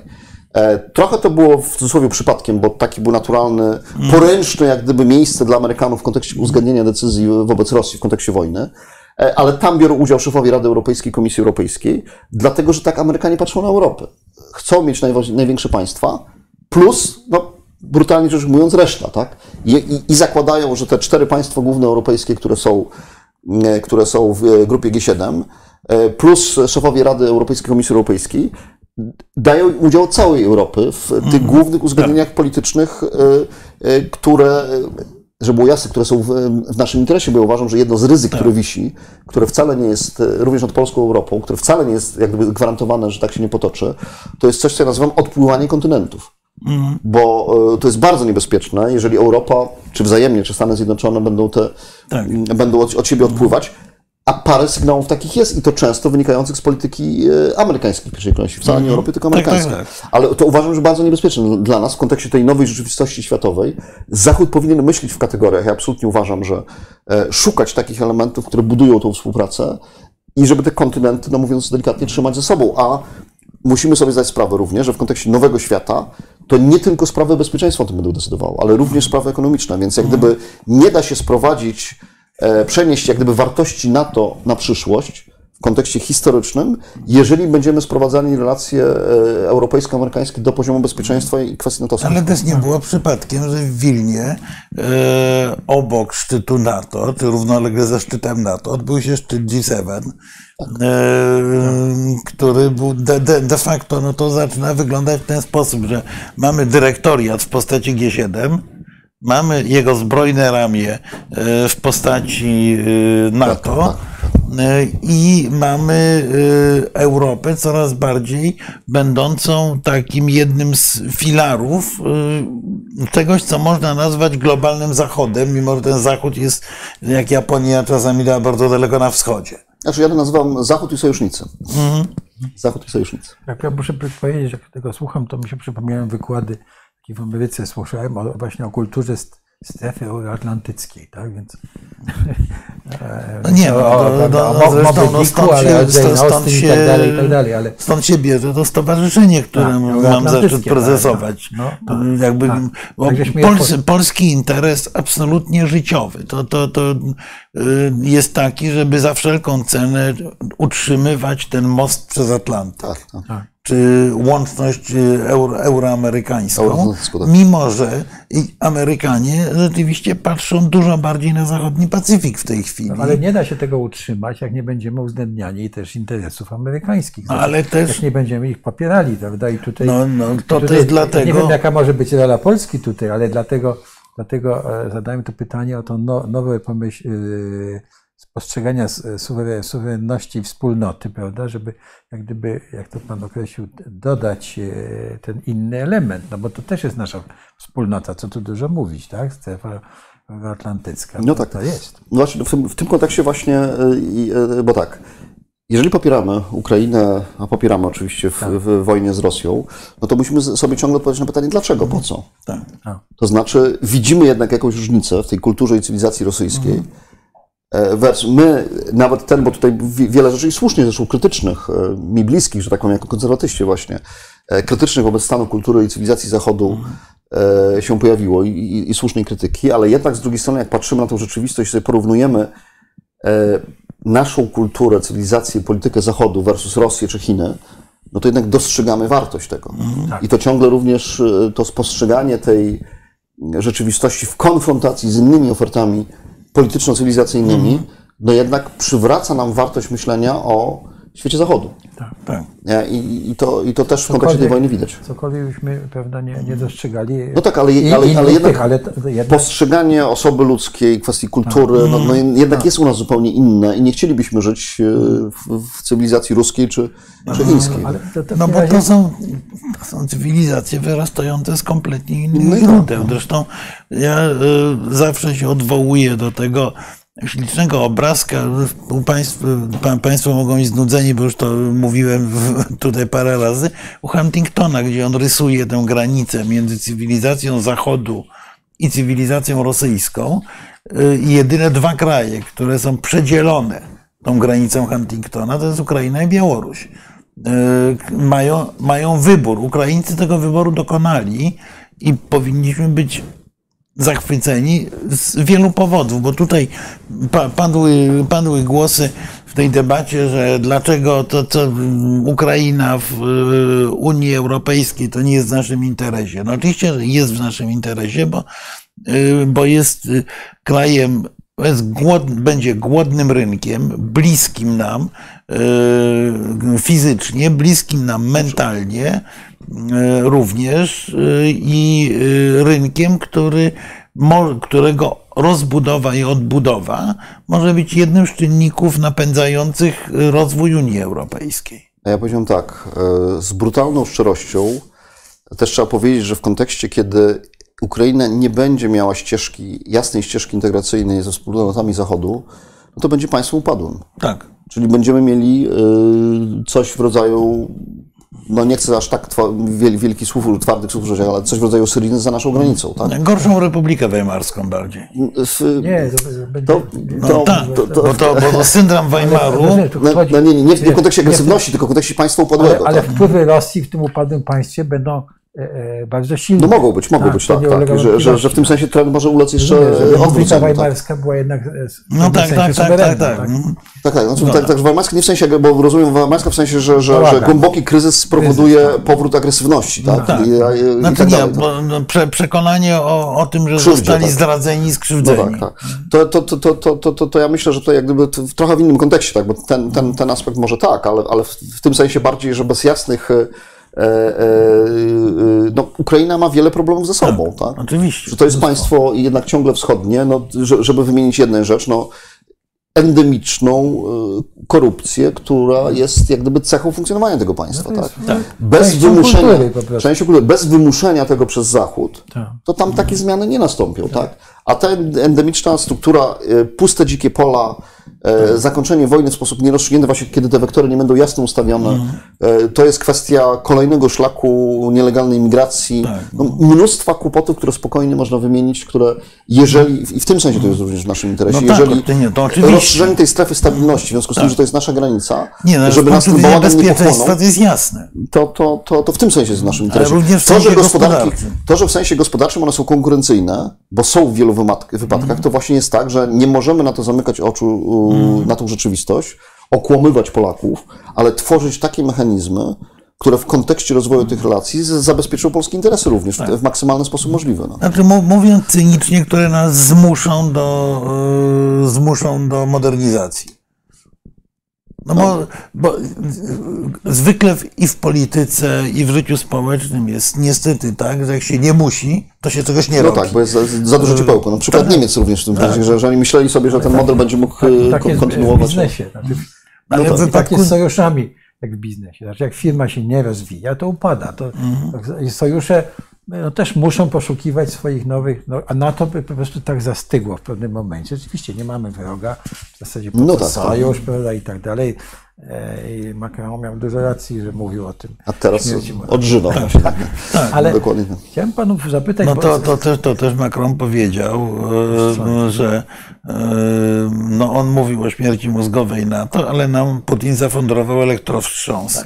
No właśnie, jeśli mówimy o Putinie, przecież to wszystko, co my widzimy, tak, że Rosja jest, y, że to jest fiasko, tak? Y, y, Zamysł Putina poniósł fiasko i że Rosja jest wypierana z Europy, to w zasadzie y, jakbyście panowie dostali pytanie od Putina, no to co ja mam teraz robić? Co byście panowie mu radzić? Co, co on może Znaczy, robić? tak, Bo- to, no jest, bo- to, to właśnie przeszliśmy z pierwszego elementu, czyli osiągania realnych celów rosyjskich, e, e, bo ja zawsze powtarzam, że żadna wojna nie toczyła się tak, jak była przewidywana na początku. Tak. Ona ma, ma swoją dynamikę e, nie, i to nie jest tylko tak post factum można stwierdzać, Ma- że dlaczego tak się stało, ale Może mieć też nieoczekiwane zakończenie.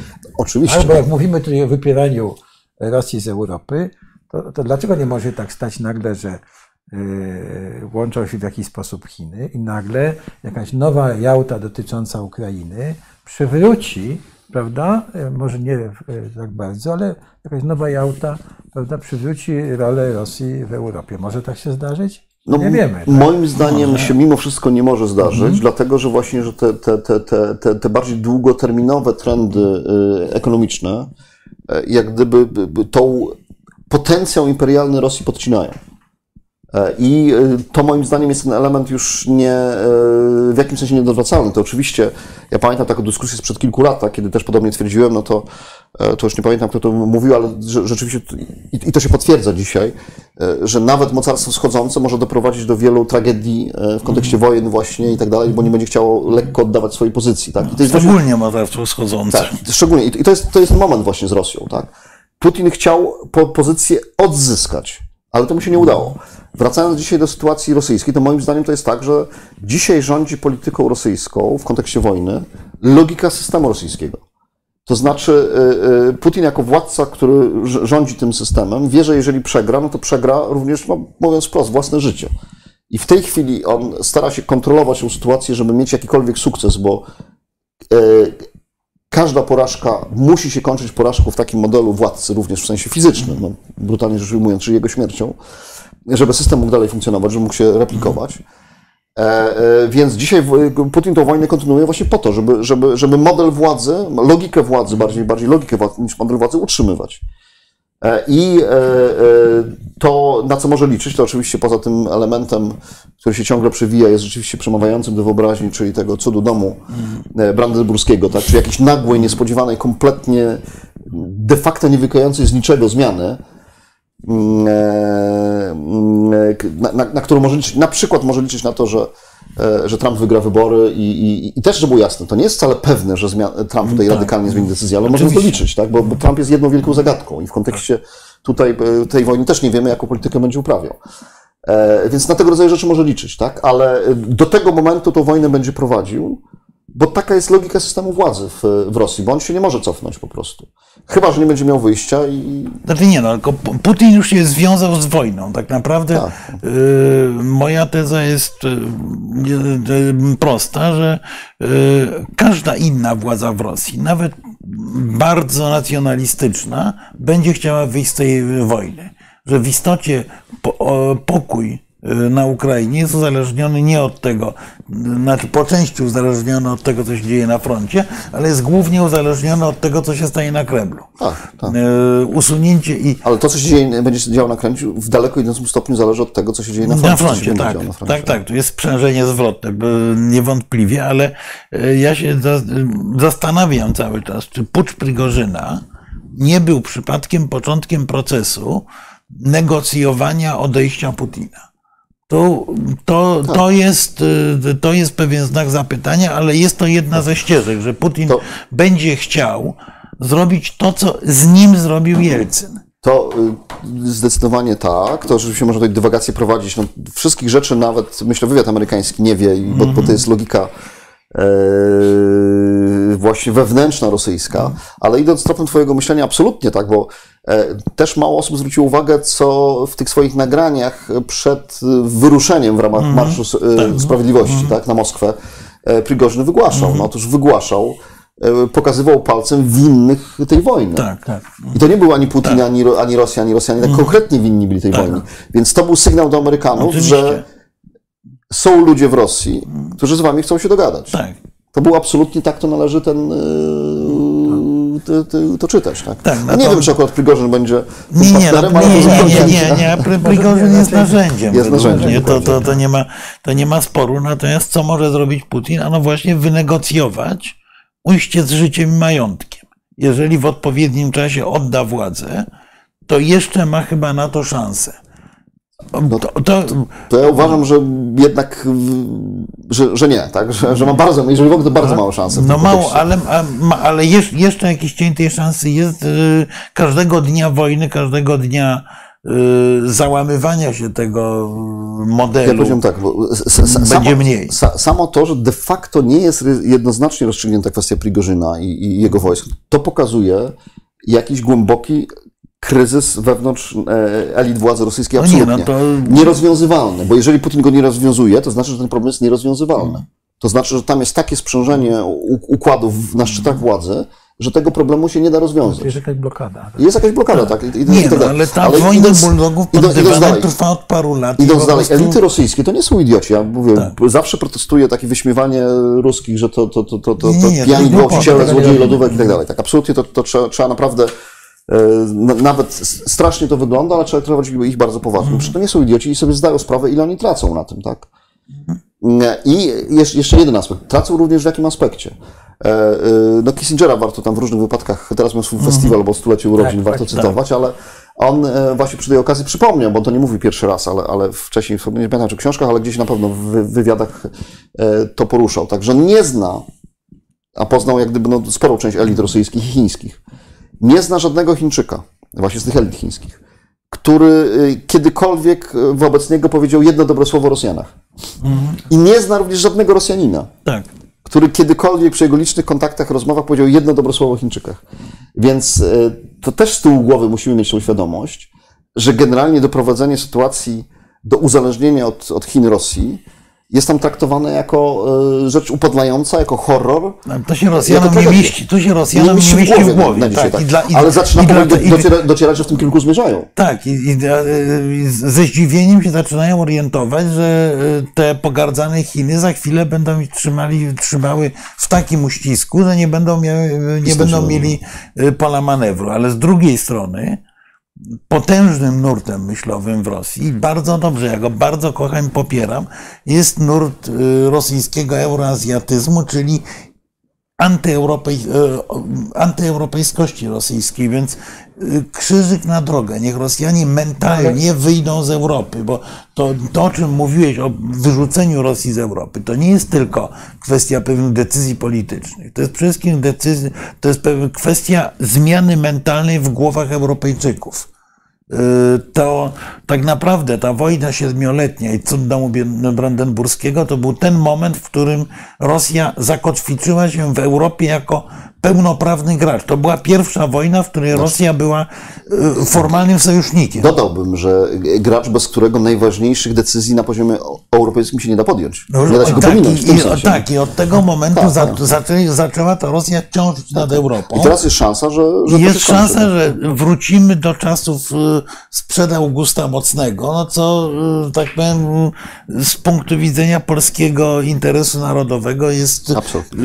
perspektywą wartą zapłacenia bardzo wysokich cen.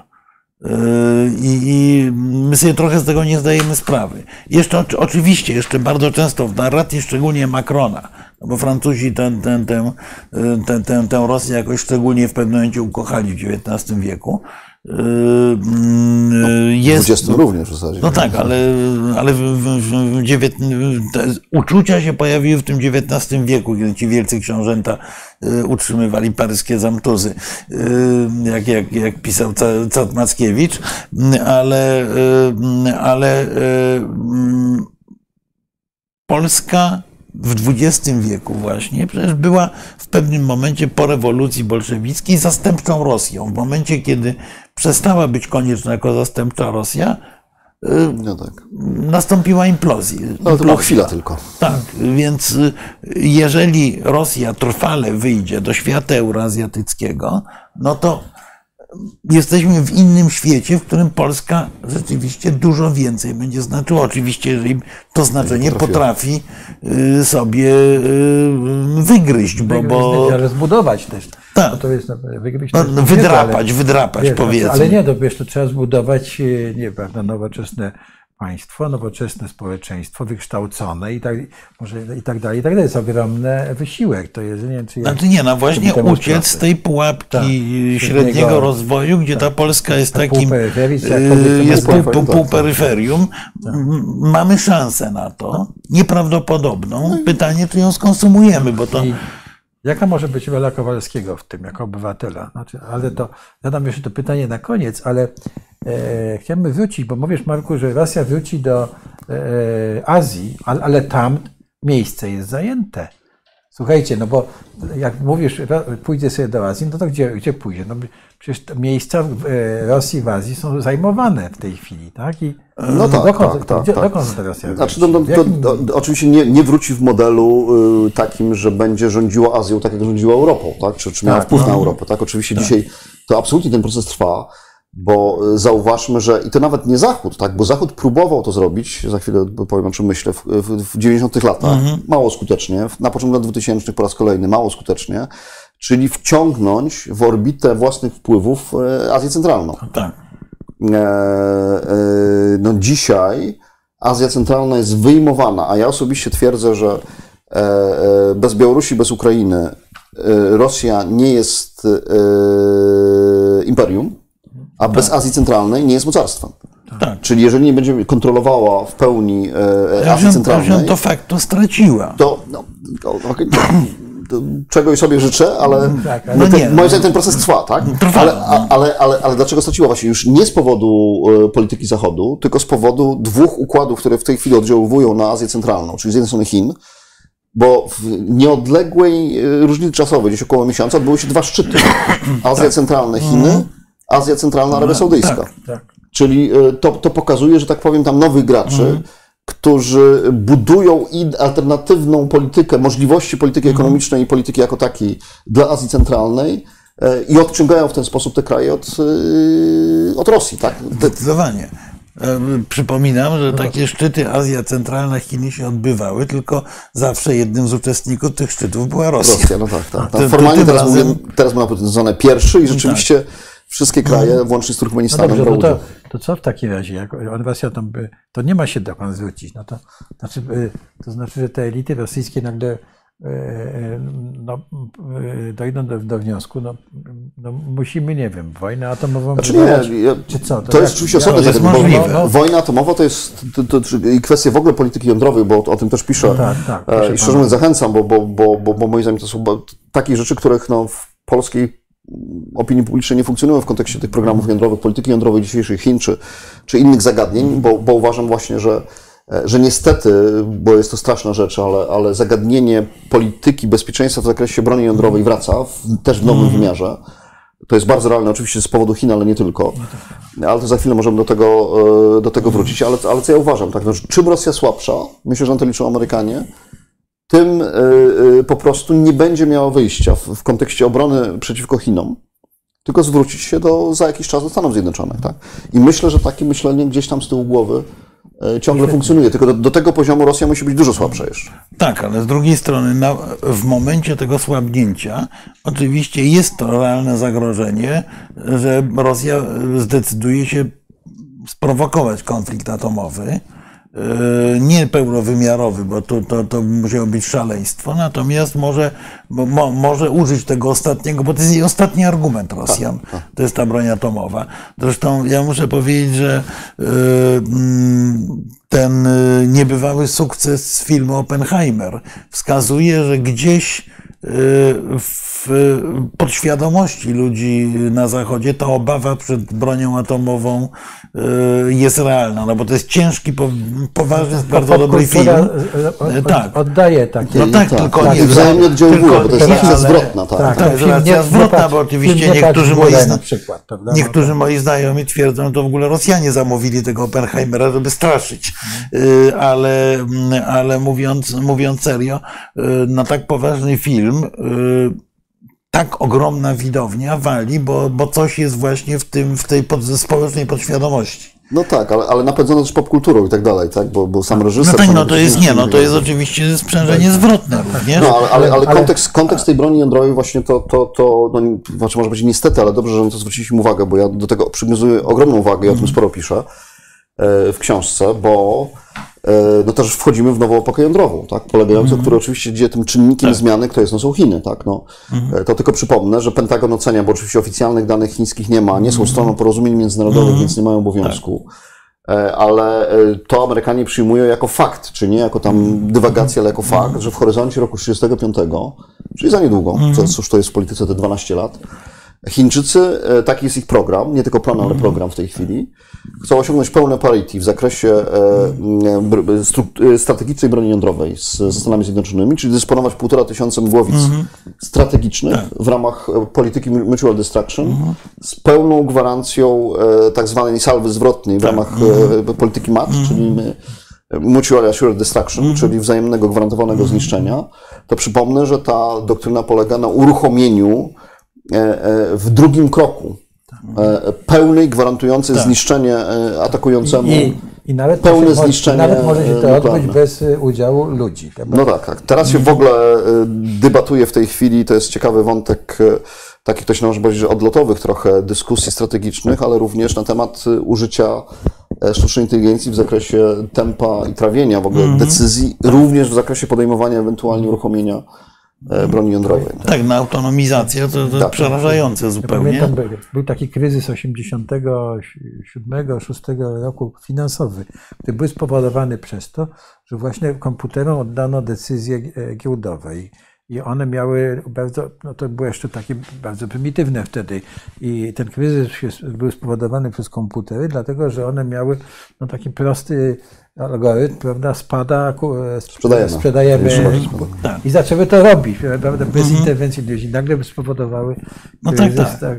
Tak, no zresztą. Pamiętam, to jeszcze było przed tą tak zwaną pluskwą i nie w ogóle początek. No tak, ale my jesteśmy tak naprawdę więźniami tych algorytmów, bo Francji słuchałem tego BBC, który omawiali ten kryzys. Dobrze. nie no, jesteśmy więźniami tych algorytmów, które rzeczywiście są groźne. Zresztą no, mamy te historie z samochodami autonomicznymi, które doprowadzają do zderzeń i tak dalej. No, y, ja się cieszę, że jednak y, ten zawodny człowiek jest wciąż lepszy od tego niezawodnego komputera. To już nie chcę Cię martwić, ale już niedługo. To wiesz, że w Wielkiej Brytanii już pierwszy kawałek autostrady uruchomili, do, Nie, no, oddali do no, autonomicznego tak, ruchu i tak dalej. Tak? No tak, Chińczycy, ale co jest do tego potrzebne? To, to, to, to nie, znaczy nie wiem, czy cię zmartwię, czy nie, ale, ale to jest fakt, że to już na palcach jednej ręki to jest, to jest, to jest ta granica. Zakładam, że bliżej dwóch niż pięciu. E, Na pewno e, ruch autonomiczny będzie dosyć powszechny. tak. tak? Uruchomienie e, masowe 5G, a może jeszcze szybsze rozwinięcie w sensie kosztów e, internetu satelitarnego, kwestie elektryfikacji ruchu samochodowego, e, rozwoju dalszego chipów, dalszego rozwoju sztucznej inteligencji, no spowoduje, że, że ten proces przyspiesza po prostu. Tak? No przyspiesza, tylko ja, y, ja mam dziwne przy, przeczucie, że będą po prostu w pewnym momencie oddzielne drogi dla ruchu autonomicznego, od, od, oddzielne dla ludzkiego, bo Może pasy, ale- może bo, pasy. no być może pasy, ale, Ale na autostradach to nie ale zde, zderzenie, zderzenie tych dwóch modeli mo- może spowodować, y, y, oczywiście ruch drogowy to jest, to, to, to, to, jest jakby jedna rzecz, ale autonomizacja decyzji na poziomie właśnie mm, wojny może prowadzić do skutków dramatycznych. Ja przypomnę tylko o tym, że zarówno Chińczycy, jak i Amerykanie robili te eksperymenty, czyli e, symulację walki powietrznej myśliwców. I w obu wypadkach e, sztuczna inteligencja wygrała, tak, z najlepszymi pilotami, najlepszymi, na, na najlepszych samolotach własnych chińskich i amerykańskich. No w wypadku chińskim, bo to pamiętam dokładnie, niedawno czytałem, to zajęło e, sztucznej inteligencji półtorej minuty, nie? Pokonanie definitywne najlepszego pilota chińskiego na, na najlepszym samolocie, w sensie symulacji oczywiście, tak. Czyli dochodzimy do momentu, że będzie kluczowe w działaniach wojennych zakłócanie i e, Ale już To jest. już jest dzisiaj. Już jest wiem, przecież. wiem, ale, ale wiesz, to będzie się rozwijała tarcza też, tak, że będzie się, e, będą chronili się przed zakłócaniem, prawda, i tak dalej, więc No tak, takie, no, no go- to zamiast, e, prawda, e, e, tam, nie wiem, czołgu i, i broni przeciwpancernej, by, prawda, e, w dziedzinie Nie no, się rozwijać. czołg będzie, tylko będzie to nie, czołg tak. autonomiczny. Akurat Tak, autonomiczne czołgi już w tej chwili przygotowują przecież.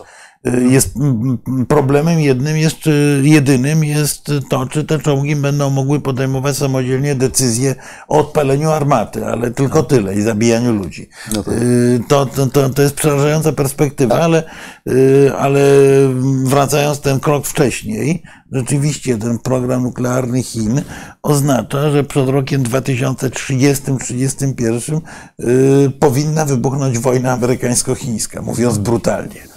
Y, No tak, i to wtedy bardziej sprowokowana przez Amerykanów, tak? Bo Tak, ja uważam, oczywiście. Że, Oczywiście, że że tak. ja, moja teza jest taka, że do momentu z, y, zbudowania y, y, salwy atomowej y, wobec Ameryki przez Chiny, Mhm. no Chiny nie przystąpią do at- zaatakowania Tajwanu, bo wiedzą, że w kontekście drabiny eskalacyjnej zawsze mają ten próg, po- powyżej Mhm. którego są dużo słabsi Tak. od Amerykanów. Tylko ja sobie tak myślę, bo my za, zawsze rozmawiamy o polityce realistycznej versus y, romantyczne mrzonki, co w polskiej debacie publicznej czasami wygląda dramatycznie, ale y, tak sobie myślę, że tak naprawdę przecież polityka Putina w tej swojej racjonalności jednocześnie jest, była polityką właśnie romantyczną, bo marzenie Putina, bo sam to od niego słyszałem, E, marzenie Putina to była odbudowa nie żadnego Związku Sowieckiego, bo jest antykomunistą. Zresztą udowodnił nawet mówiąc o Prigorzynie, przed, tym przemówieniem przy Prigorzynie, e, o tym, że e, powtórka roku 17, bolszewików, destrukcji i tak dalej, E, ale to było marzenie o tej wielkiej Rosji z czasów Aleksandra III. E, I to marzenie mu zmuszało go do, do myślenia o tym, żeby odzyskać Ukrainę i Białoruś, a z drugiej strony miałeś racjonalny, e, racjonalną analizę, że około roku 2030 Rosja wchodzi w trzy równoległe kryzysy. e, Od kryzysu demograficznego po kryzys, przez kryzys energetyczny, po kryzys sukcesji, sukcesji władzy bo, bo, bo to pokolenie no, biologicznie się wyczerpie, pu- putinowskie.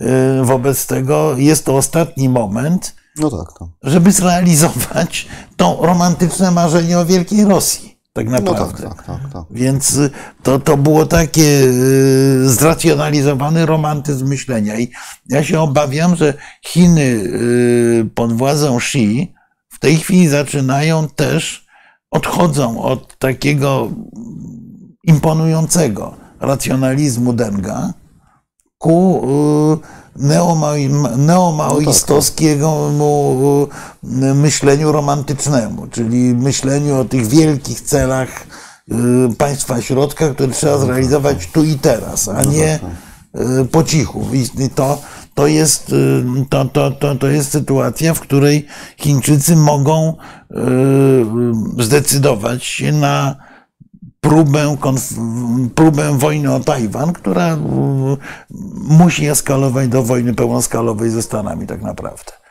No tak, tak. Y, Więc y, to, teoretycznie oczywiście nikt, kto ma y, cień zdrowego rozsądku przed zbudowaniem y, parytetu atomowego się na to nie zdecyduje. Ale polityka niestety nie jest polityką racjonalności, tylko polityką nieracjonalności racjonalizowanej. I y, mm, tak swoją drogą, no, rozmawialiśmy przed programem, że takie, taka opowieść o y, mm, taka opowieść y, o ra, racjonal, romantyzmie zracjonalizowanym, to jest opowieść o powstaniu warszawskim. Trudno, żeśmy zapomnieli o rocznicy, o rocznicy powstania, która, e, Tak, która no, za kilka no, dni. Ale Za chwilę, tak. e, za chwileczkę, bo chciałem jeszcze, zanim za- e, zapytam o lekcję powstania dla dzisiaj, jeśli można jeszcze tak po, tych, po tym okresie coś powiedzieć, to e, no to jakie mamy przesłanie dla Kowalskiego, zwykłego tej naszej dyskusji, jeśli chodzi o politykę zagraniczną? Jakie jest zadanie tego obywatela? Wyobraźmy sobie, że, że ma, być ten obywatel e, i, i, i on jest, tak? no I co my możemy powiedzieć? Panie Kowalski, co? Znaczy, każdy pan Kowalski i Czy pani Kowalska, czy pa- pan Nowak, czy pani Nowak, no są odpowiedzialni za, za siebie, tak, w pierwszej kolejności I- to jest rzecz najważniejsza. E, A w kontekście, e, myślę, e, i wojny rosyjsko-ukraińskiej, i agresji rosyjskiej, i mm, polityki globalnie, to jest po prostu jedna rzecz, że trzeba mieć szeroko oczy otwarte i jako realistyczny proces akceptować to, że świat się w daleko idącym stopniu zmienia. Że pewne rzeczy, do których y, y, my nawet y, jesteśmy przyzwyczajeni, będą się zmieniały w najbliższym czasie szybko. Szybciej nawet niż te radykalne zmiany no, w naszym pokoleniu, czy, czy w moim. E, e, I, I tak jest, no, jak- ja sobie przypomnę za, za, za, za młodego chłopaka, gdzie e, w moim domu nie było, czy mieszkaniu nie było w ogóle telefonu, tak? Bo dostaliśmy dopiero, tak dostaliśmy w 91 roku. E, Dzięki temu dowiedziałem właśnie z analiz tam z raportów SBC, że nie mogli mi, e, ale to pokazuje Podsłuchy też, tak, tak, był, w planie operacyjnym był podsłuch u mnie zaplanowany, ale którego nie założyli, bo nie było telefonu. Ale to tak na, tak samo. już e, anegdotycznie, ale e, co w tym sensie? Bo właśnie parę dni temu, e, e, e, przedwczoraj zdaje się, było to spotkanie Bidena, czy prezydenta Stanów Zjednoczonych e, z szefami e, siedmiu największych firm technologicznych amerykańskich, gdzie on w tym swoim oświadczeniu po tym spotkaniu powiedział, co powiedział? Nam się wydaje, tempo zmian jest ogromne w ciągu ostatnich e, lat w zasadzie, tak? bo naprawdę sposób życia się zmienił radykalnie. E, Ale konkluzja jego z tego spotkania była taka, co musimy zaakceptować, że w ciągu najbliższych kilku lat przejdziemy takie zmiany, Mm, Tak. których nie przeżyliśmy w sensie tempa i jakości w ciągu ostatnich 50 lat. W jakim sensie to jest przerażające, tak? Ale o czym myślę? No myślę właśnie w kontekście sztucznej inteligencji, ruchu autonomicznego, elektryfikacji naszego życia i gospodarki, czy gospodarki i życia i tak dalej. Mm, Więc y, no to jest ten, y, y, to jest ta kwestia, która powinna nam y, zwrócić uwagę na to, że z jednej strony te, te zmiany są radykalne, czy będą radykalne, a z drugiej strony w jaki sposób my możemy nie tracić własnego człowieczeństwa i, i tego, co dla życia człowieka jest najważniejsze. Tak? I rozumiem, że trzeba pilnować wartości tak, w tych okolicznościach. Tak. Mieć otwartą głowę. dokładnie tak? tak. dokładnie Nie tak. bać się tych zmian, tylko je rozumieć. Bo, bo tak? jeszcze, jeszcze jeden nie, aspekt właśnie nie tutaj dać, nie mo- dać, mogę powiedzieć, czego się bardzo cieszę, bo, bo, bo na, na to sam zwróciłem uwagę, ale, ale to już publicznie można o tym mówić, bo umowa jest podpisana, więc Nowa Konfederacja w ciągu najbliższych paru miesięcy wyda książkę e, właśnie e, Kissingera, Eryka Schmidta i, i Ho- Hohenlocher, nie wiem czy po angielsku czytać, czy po niemiecku. E, trzech autorów na temat, e, tytuł książki jest e, Sztuczna inteligencja i przyszłość ludzkości. Gdzie e, Schmidt, który był szefem Google, no w tej chwili jest doradcą z prezydenta Stanów Zjednoczonych też w zakresie sztucznej inteligencji. No, Henry Kissinger nie trzeba rekomendować. Jasne. Gdzie oni analizują, w jaki sposób sztuczna inteligencja wpłynie na zmianę funkcjonowania w ogóle człowieczeństwa. I porównują to w tym sensie, że to jest jak gdyby epokowa zmiana w historii ludzkości, bo od momentu, jak się sztuczna inteligencja pojawiła, to ona- już będzie człowiekowi towarzyszyć. I ogromne zadanie, które przed ludzkością, oni nie dają tam odpowiedzi wszystkich, bo nie są w stanie, Jasne. e, które stoi w tej chwili przed w ogóle ludzkością jaką taką, to jest zaadoptowanie współpracy, obecności, funkcjonowania życia człowieka w towarzystwie, bo to już będzie z nami po wsze czasy, w towarzystwie sztucznej inteligencji. Zakresu jej wpływów, bo to zmienia nie tylko, i oni na to zwracają uwagę, że to jest kategoria, i bardzo dobrze że zwracają na to uwagę, że to nie jest tylko kategoria funkcjonalnych zmian polegających na tym, w jaki sposób dzia- działanie firm się zmieni, kto straci pracę, kto zyska, w jaki Nie. sposób firma i tak dalej. Ale wymaga w ogóle przemyślenia człowieczeństwa w perspektywie filozoficznej. Znaczy, no, no, prawdę mówiąc, ja coraz bardziej dochodzę do wniosku, że stary film Matrix był proroczy w jakimś sensie. No tak. Y, Bo pamiętajmy, że to nie jest tylko, że to nie jest tylko sztuczna inteligencja, tylko sztuczna inteligencja, która jeszcze może być sprzężona z rozwijającą się bez kontroli właściwie inżynierią genetyczną. Y, Mamy w tej, w gruncie rzeczy mamy możliwości tak daleko idącej ingerencji, y, że gdzieś y, wczołgujemy się na tę wieżę Babel, y, próbując zastępować Pana Boga. Y, No właśnie, tak. Kreując człowieka i tak dalej, i tak dalej, i tak dalej. Więc y, wniosek z, tego jest następujący w mojej ocenie. Po pierwsze, Kowalski, Nowak, Smith musi być wyczulony na, na to, żeby nie wierzyć w bajki. Tych bajek jest, bajek, narracji jest w jego otoczeniu tak wiele, tak mu chcą zamulić mózg i w sprawach polityki zagranicznej, w sprawach tej Ukrainy i tak dalej, i tak dalej, W sprawach życiowych również. trzeba w sprawach życiowych, mm, dowolnych właściwie, że trzeba ogromnego krytycyzmu. Ja myślę, że y, jednym z zadań to jest y, przebudowanie systemu edukacji, tak żeby nauczyć odbiorcę, przede, edukacja była cały czas nastawiona na kumulowanie wiedzy. W tej chwili edukacja musi być nastawiona na budowanie krytycyzmu odbiorcy. Wiedzę, informacje mamy wszędzie w takich ilościach, No że tak. zresztą ogłupiamy się w ten sposób, bo ja tak uświadom, uświadomiłem, że my coraz mniej rzeczy zapamiętujemy, bo to robią za nas y, urządzenia. Bo ja w rozmowie z jednym z przyjaciół zacząłem narzekać, że musimy pamiętać tyle tych różnych pinów i tak dalej, do kart, do wszystkiego. No to usłyszałem odpowiedź, stary. Jako młodzi ludzie pamiętaliśmy po 100 numerów telefonów. I nie było problemu, prawda? Tak było. Tak. Yy, W tej, chwili, w tej chwili poza dwoma, trzema nie pamiętamy, bo wyjmujemy Wszystko telefon jest zapisane, tak. zapisane i tak, Ale- i tak Ale, dalej, i ale tak przez to dalej. demencja się, się No mnoży, bo jednak to było ćwiczenie. Nie, no ale z drugiej, no, było ćwiczenie, ale musimy to ćwiczenie uprawiać inaczej. Musimy to ćwiczenie uprawiać na, właśnie w modelu krytycyzmu. Ja powiem, bo tu padały jakieś takie głosy dotyczące naszych wewnętrznych wyborów i tak dalej. Ja muszę powiedzieć, że ja z ogromnym przerażeniem oglądam całą tę propagandę wyborczą, która idzie w kierunku takich haseł, narracji, yy, fleszów, zamiast właśnie skłaniać odbiorcę. Ja zdaję sobie sprawę, to było nieskuteczne, więc to, ale to jest z tej samej bajki, do e, zmuszać odbiorcę do krytycznej analizy. Bo y, myślę, że y, pokolenie dzisiejszych y, 10-15-latków będzie musiało przede wszystkim mieć zdolność odsiewania szumu informacyjnego po pierwsze i fake newsa po drugie. No tak, tak. To, to będzie, będzie, będzie bardzo inna- trudne, bo te fake Tak. newsy będą coraz bardziej Tak. uprawdopodobniane. Tak, Tak, Prawda, prawda? Ja z drugiej strony pamiętam właśnie, jak jeszcze w końcu lat e, 90., czyli dwie- dwadzieścia kilka lat temu, jak tam studiowałem w Stanach, kiedy były zupełne początki e, internetu. E, Jeszcze pamiętam, trzeba było tłumaczyć ludziom, czym się różni e-mail od internetu jako, jako takiego.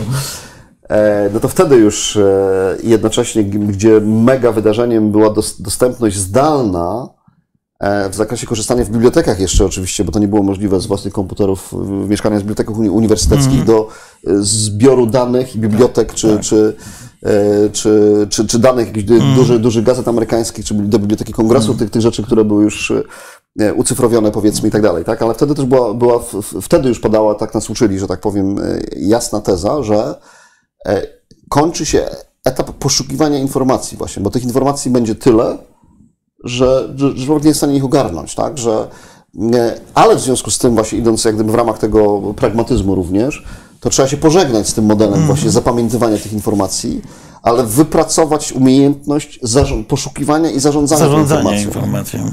Bo, bo, bo, bo, bo, bo dzisiaj rzeczywiście, y, ja pamiętam jak no, no, pisałem pierwszą książkę, e, która wyszła w roku 2010, o ile pamiętam, tak? No jak wtedy, e, to jeszcze byłem na etapie e, notatek i wyszukiwania tak zwanych fiszek e, w książkach i tak dalej, tak?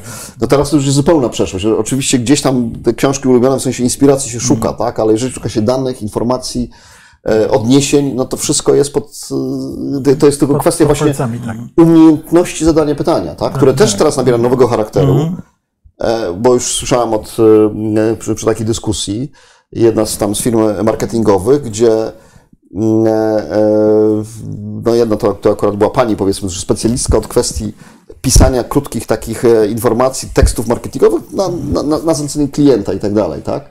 Się okazuje, że już jest jak gdyby w kategoriach starych czasów, bo, bo już jej umiejętności są nieprzydatne, bo się pojawił ktoś inny, kto lepiej zadaje pytania sztucznej inteligencji, która szybciej generuje lepsze sformułowania. I umiejętność tej osoby, która polegała na umiejętności e, pisania krótkich komunikatów w zakresie potrzeb Tak, klienta. staje się niepotrzebna, bo to pisze Tak, tak. AI. A, a potrzebne staje się umiejętne zadanie e, e, polecenia Tak. e, No, sztucznej ale inteligencji. ja, to dotyczy tej wyszukiwarki Google. Tego No tak, no to- tak, tak, zadać tak, tak. zadać No tak. pytanie, żeby to, co jest najważniejsze, wyszło na pierwszym miejscu, a nie gdzieś tam. Tak, ale... No ale, y, ale to oczywiście wiąże się również, a może nawet bardzo się wiąże z tym pytaniem wstępnym, które stawiałeś o politykę zagraniczną, bo y, myślę, że prawdziwym problemem w tej chwili jest trafne rozpoznanie trendów przyszłości, bo można bardzo łatwo na tym politycznym, cywilizacyjnym przede wszystkim zakręcie wypaść. I nie jest powiedziane, że Polska będzie znaczącym krajem, że Unia Europejska się utrzyma, że i tak dalej, i tak dalej. Yy, Wobec tego yy, zdefiniowanie prawdopodobieństwa trendów, zdolność debaty, yy, przygotowania się do kosmicznego tempa zmian jest absolutnie podstawowym zadaniem. I ćwiczenia na razie z tego przygotowania, które są związane z wojną w Ukrainie, my odrabiamy, szczerze mówiąc, średnio. Tak. Absolutnie się zgodzę, tak, że, że, że niestety średnio właśnie, yy, dlatego, że po pierwsze to jest podejście emocjonalne, oparte na starych paradygmatach Tak. e, i e, sprowadzone do krótkoterminowego, zarządzania krótkoterminowego emocjami. Tak. Bez y, budowy pewnych rozwiązań y, średnio czy długo, długoterminowych. No ale też y, jest ubogość ośrodków różnych w Polsce. Nie zbudowaliśmy ich przez te 30 lat, prawda? Na takich, nie wiem, think tanków, jakichś instytucji. Nie udało nam się to. Tak mam, mam No wrażenie, tak. tak? Ale Znaczy, nie udało nam się to, to w sensie jak gdyby z, trochę takich inicjatyw jest bardzo, Jest, bardzo tak, cennych. Ja, ja na przykład się cieszę, że OSW wraca do moim zdaniem dobrej formy po, wraca, po tak, kilkuletnim też, kryzysie. E, Coraz, coraz więcej tam znowuż jest e, wartościowych materiałów. Ja bym jeszcze dorzucił do tego jeszcze jeden aspekt, tak? bo właśnie też bardzo tego nie lubię. Z drugiej strony nie chcę popadać w nadmierny krytycyzm i taki pesymizm, bo e, co mi zarzucono w różnych dyskusjach ale dla- przed dlatego chciałem zadać pytania od pozytywnego. coś. tak, ale do tego dojdę właśnie. Też zwrócono uwagę, co, co, co przyjąłem do siebie, że, że, że w tej uwadze była, by- była tak zwana słuszna racja, e, mówiąc oczywiście dowcipnie. E, e, po pierwsze, kontekst, bo to się wytworzył takie moim zdaniem fałszywe przekonanie, że to jest Polska jakimś wielkim kingmakerem w zakresie kreatorem tych rozwiązań geopolitycznych w odniesieniu wojny rosyjskiej. No niestety nie jest, tak? I nie jest w żadnym aspekcie, po pierwsze. Po drugie, no Ale co też jest a propos tego e, myślenia w kierunku przyszłości. Jeżeli my chcemy odgrywać i mieć mocną pozycję w Europie, to właśnie powinniśmy wrócić do bycia specjalistami od wschodu. Tak. Czyli mówiąc w skrócie, nawet mimo tej wojny, to dzisiaj powinniśmy dbać o to, że powinniśmy mieć więcej ekspertów rosyjskich. Powinniśmy mieć więcej kanałów i pomysły na kanały, właśnie mimo wojny. Oczywiście. Na kanały obecności w Rosji. Absolutnie tak. I e, Ja o to czym też y, tuż przed wojną, tu, tuż przed wojną ukraińską. E, bo, bo, bo, bo to powinno być. No, a dzisiaj jak jest, tak? No, dzisiaj my nie mamy żadnych informacji wywiadowczych i żadnych informacji politycznych, które są polskim wkładem do rozwoju tej wojny. Tak. My się wtórnie dowiadujemy od Amerykanów, tak? To, a powinno, jeżeli pozycja Polski byłaby silna, taka, o której się mówi, to Amerykanie się powinni od nas dowiadywać, Europa się powinna od nas dowiadywać, a się nie dowiaduje od nas. My się dowiadujemy od nich. Tak. I to wtedy, kiedy oni uznają za stosowne, żeby już powinniśmy Żeby nam wiedzieć powiedzieć. Tak. żeby nam powiedzieć, tak, i tak dalej, co, co, y, co, co jest problemem. Więc, Mhm. y, a mało tego, ja osobiście stawiam tezę, że szczególnie dzięki jakimś ruchom politycznym Polski, pozycja Polski się nie wzmocniła w kontekście tej wojny. Jesteśmy, moim zdaniem, pozycja polityczna Polski jest zredukowana do poziomu między państwami bałtyckimi a Czechami. E, e, Jesteśmy w tym samym rzędzie e, dzisiaj, jako partnerzy polityczni, oczywiście, z całym szacunkiem traktowani. To, to realnie pozycja Polski jest taka. My nie mamy żadnego autorskiego wkładu w kreowanie polityki Zachodu wobec tej wojny, wobec Rosji. Z brutalną szczerością sobie to szczerze trzeba powiedzieć. A mało tego, wróciliśmy do, i to jest no, z przekąsem powiem polskim sukcesem, do traktowania Polski czasami jako nie miejsca, gdzie się rozwiązuje problemy, ale miejsca do rozwiązywania problemów. Kontekst embarga na żywność rosyjską i tego trudnego, który, który jest problemem dla całego Zachodu, to właśnie pokazuje, w jaki sposób my redukujemy swoją po, pozycję. Znaczy ukraińską. Ukraińską, tak, bo, bo, bo, bo Polska kreuje problemy, a nie daje rozwiązań. Tak. Co de facto redukuje samo w sobie e, pozycję polityczną i tak dalej. Co jest pozytywne? No, pozytywne jest to, że mimo wszystko uważam, że po pierwsze e, e, właśnie struktury Zachodu, tak specjalnie tych słów używam, wypychają tę Rosję z Europy, że trendy są takie, że biorąc pod uwagę możliwe scenariusze, no to trzeba użyć takiego określenia, że mamy szczęście po prostu, tak? Bo, czego w książce używam e, wiele razy, że rozwój polityki i sytuacji jest taki, który per saldo w tej sytuacji, gdzie mogliśmy setkę gorszych scenariuszy wymyślić, one są korzystne dla Polski, bo między innymi w jakim sensie korzystne dla Polski? Obecność w strukturach Zachodu e, i kontekst skracania tych łańcuchów na przykład y, logistycznych no, powoduje, że Polska jest dalej at- atrakcyjnym miejscem do inwestowania. I na przykład dzisiaj w kontekście przemysłu przyszłości Polska jest drugim miejscem na świecie produkcji baterii do samochodów elektrycznych. Pierwszym są Chiny, Polska drugim. Tak. E, e, tylko to się nie bierze z jakichś szczególnych osiągnięć polskiej polityki, tylko dlatego, że koncerny międzynarodowe uznały, że tu jest najlepsze miejsce na obsługę rynku europejskiego właśnie. Tak. I, I to musimy w, jakby w pełni to przyjąć po prostu, że tak to jest. Bez tego elementu, gdybyśmy, Mhm. gdyby oni z Polski nie mogli obsługiwać Europy, to nikt by nie pomyślał o tym, że, żeby specjalnie do Polski przyjeżdżać. Tak? Więc to musimy w pełni sobie zdać konsekwencji z tego, tak, tak, tak. z całych uwarunkowań. Więc per saldo ta sytuacja jest dla nas korzystna. I to, co my powinniśmy zrobić w tej chwili, to osiodłać ten trend. Osiodłać ten trend, który dla nas jest korzystny. To jest wyzwanie. wyrażenie, osiodłać. Tak, to jest bardzo ładne, Ale- ale- bo, bo, bo rzeczywiście... I osiodłać szczęście w pewnym sensie. No nie, no, sensie, znaczy tak. nie, no, my, my mamy rzeczywiście bez wątpienia więcej szczęścia niż rozumu w, y, ze względu na nasze po, położenie, bo wszyscy płakali, że Polska jest źle położona. Nagle okazuje się, że nasze położenie geopolityczne daje nam Ale niesłychanie wiesz, mocny lewar nie- nie- i gospodarczo i politycznie. Nie, nie, nie wiem, czy zna, panowie, czy znacie to, to takie anegdotyczne powiedzenie, że w Polsce się zawsze rozwiązuje e, te wielkie problemy na dwa sposoby. Jeden się liczy na cud, a drugi na Matkę Boską. Mhm. Tak, tak. Ale No, wiecie, na czym tak. cud polega? No cud polega na tym, że my się sami weźmiemy się do dogadamy, roboty, tak. że dogadamy się do roboty i coś zrobimy. To jest cud, a, a normalna praktyka polega na, Tak, na liczeniu. Wydaje mi się, że, na ingerencji Matki że, to, czyli że to podsumowanie, prawda, że mamy te, to nasze po- położenie się tak zmieniło, prawda, że, że e, to wróćmy do tej, no bo szczęście to jest coś, co, prawda, Napoleon zawsze mówił, prawda, że nasi, nasi prawda, e, Krzysztof, zginęły nam e, pytania. Przepraszam, że e, e, e, szczęście, ale w pewnym momencie od Napoleona się szczęście e, odwróciło, tak? No, Szczęście, każdy tam nosił bu- buławę i, czy ma szczęście, jakby nie wystarczyło na to, tak? I to też może nam nie wystarczyć, tak? Więc dlatego trzeba to osiodłać. Tak? Czyli jak mówimy do Kowalskiego, to zróbmy wszystko, tak, żebyśmy e, osiąga, To aż dwa ile. Ja bym powiedział tak, no to, to jest, te, teraz też jest równie wielkie wyzwanie dla elit politycznych w Polsce, in- intelektualnych, politycznych i tak dalej, tak? Żeby jak najszybciej, e, bo ja głęboko wierzę w to, że tą rzeczywistość trzeba najpierw przetrawić, tak? Po to, żeby dia- diagnozy postawić właściwe, jakieś recepty potem w, w następnym kroku. No bez tego się nie. Więc wyzwanie dzisiaj jest też w głównej mierze wobec elit po prostu, tak? Żeby e, mimo tej charakteru, która jest polskim wydaniem tych ple, plemiennych wojen globalnych, jednak e, e, e, przekonać się wzajemnie, nawet z przeciwnych obozów politycznych, do tego, że warto tą głębszą debatę, żeby się lepiej z tym światem zapoznać, po prostu przeprowadzić, tak? I, I tego bardzo mocno się można domagać.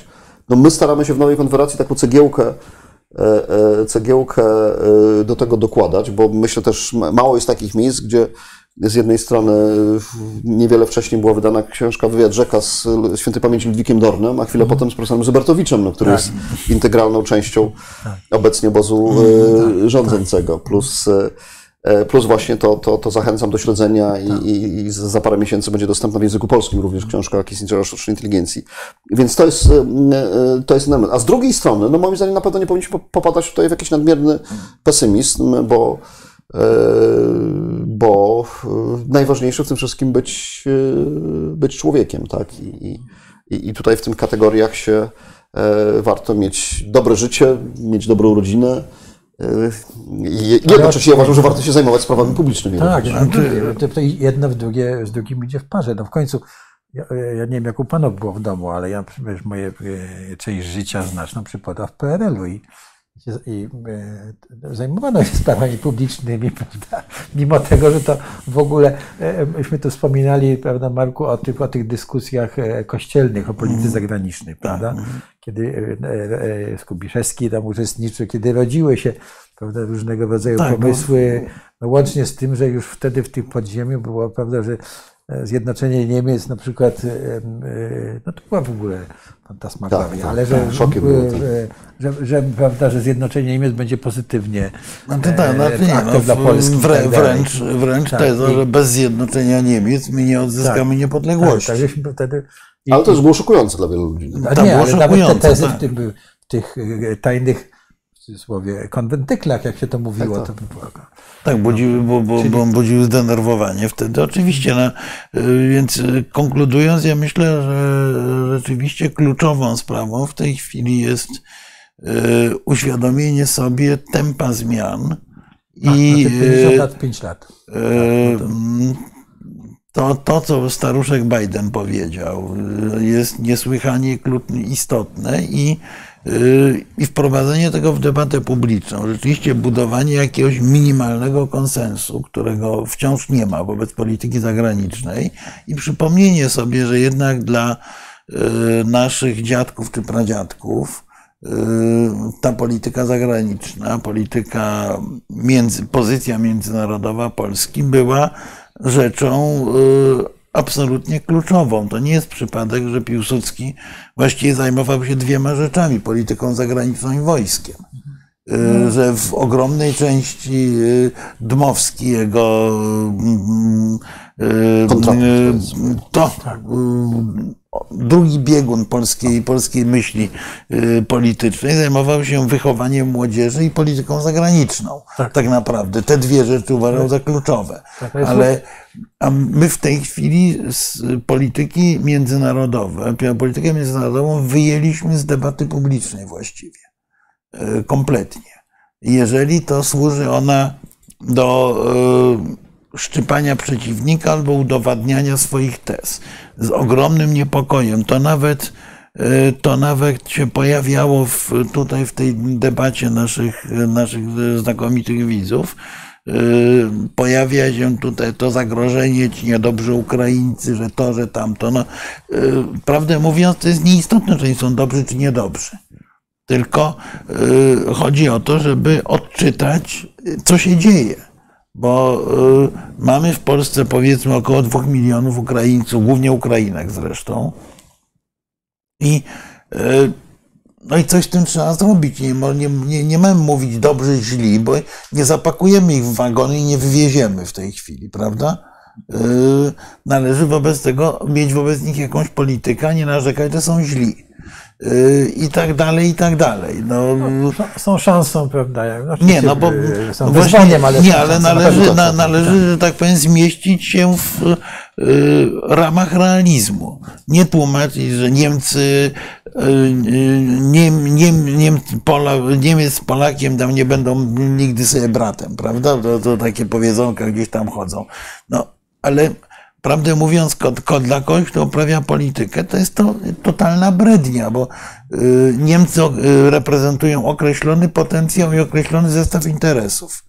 I y, biorąc pod uwagę rachunek naszego potencjału i naszych możliwości, z tymi Niemcami sobie musimy układać relacje. Możemy się lewarować, jak to się mówi w języku gospodarczym, poprzez y, dogadywanie się w konkretnych sprawach z Francuzami, Włochami i tak dalej, Y, ale, ale musi być jakiś projekt. Ja mam, y, mówiliśmy o sztucznej inteligencji, ja mam inne wrażenie. Ja mam wrażenie takie, że my jako, jako społeczeństwo, jako nie klasa polityczna, jako klasa umysłowa polskiej, nie mamy takiego szablonu, na który byłby zatytułowany Świat według Polski, czyli narysowanych wersji optymalnych poszczególnych elementów rzeczywistości międzynarodowej. I wiadomo, że my ani nie mamy narzędzi, ani nie mamy wystarczającej siły, żeby ten świat ukształtować. Ale jak coś się dzieje, to wtedy wyjmujemy z kieszeni ten szablon, przykładamy, idzie nie w tą stronę, co trzeba, prawda? Jest- jest- Albo idzie w tę stronę, co trzeba. To jest tak jak firma ma misję, prawda? I to jest. No, tak, trochę, tak, tak. trochę, Nie, no, tak. ale, ale, my też ale, zawsze mieć. ale z polskiej debaty publicznej to umknęło. Ja y, powtórzę by- się, było- było- już ostat, ostatnie zdanie, już powtórzę się, wiesz, że y, ja uważam, że myśmy y, z względów historycznych byli niewolnikami, czy byliśmy zakładnikami pojęcia y, odzyskiwania, chronienia niepodległości. I to się wciąż na dobrą sprawę prawda. pojawia. Tymczasem powinniśmy się zachować jak normalny, dojrzały naród.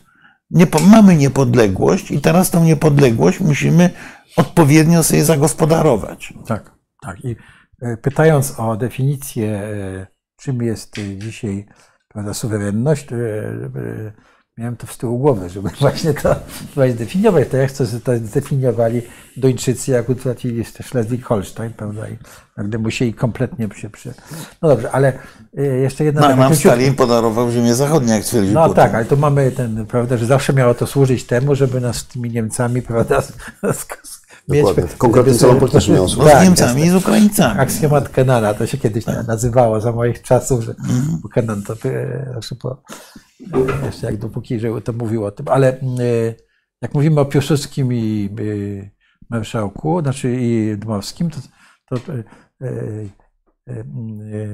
Antoni Dudek powiedział, że on idzie krakowskim przedmieściem i, prawda, i krakowskie przedmieście mieści wszystkich, tak, że ma i, i Witosa, i, i Pi- Piłsudskiego, prawda, i Dmowskiego, i, I Korfantego. i Korfantego, tak? I, I tych pomników nikt nie burzy, prawda? I nagle żeśmy ich przyjęli wszystkich do. No dobrze, no, ale kończy się, ale Ale, kończy się na nieszczęsnym Zygmuncie III Wazie, który był słabym królem. No, słaby, no, cóż, ja się na to po, Polacy. W każdym razie. e, e, Ale pobożnym.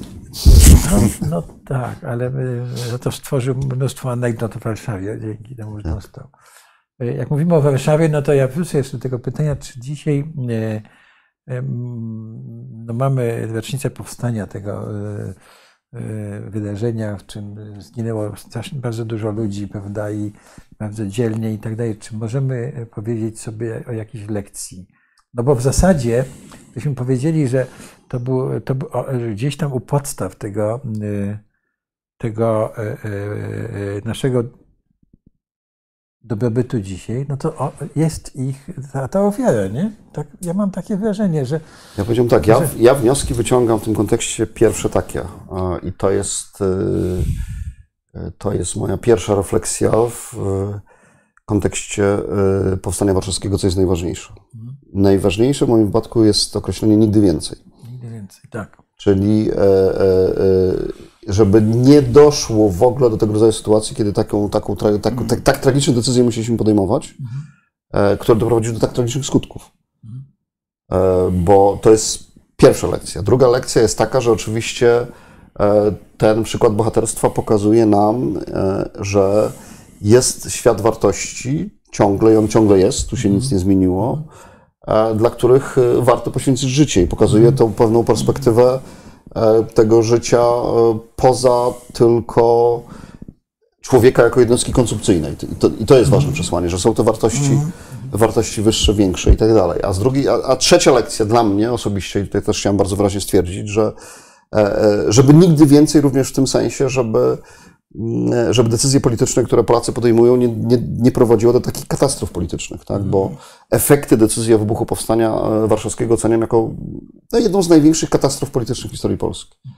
Więc y, w tym sensie konkretnie mówię, nie tylko w sensie skali zniszczeń i tak dalej, ale żeby, żebyśmy przed takimi dylematami nie stawiali, które nas potem doprowadzają do tej skali katastrof, e, e, która nastąpiła w efekcie powstania. Ja rozumiem, że też o tym, e, dlatego trzeba dyskutować o tym.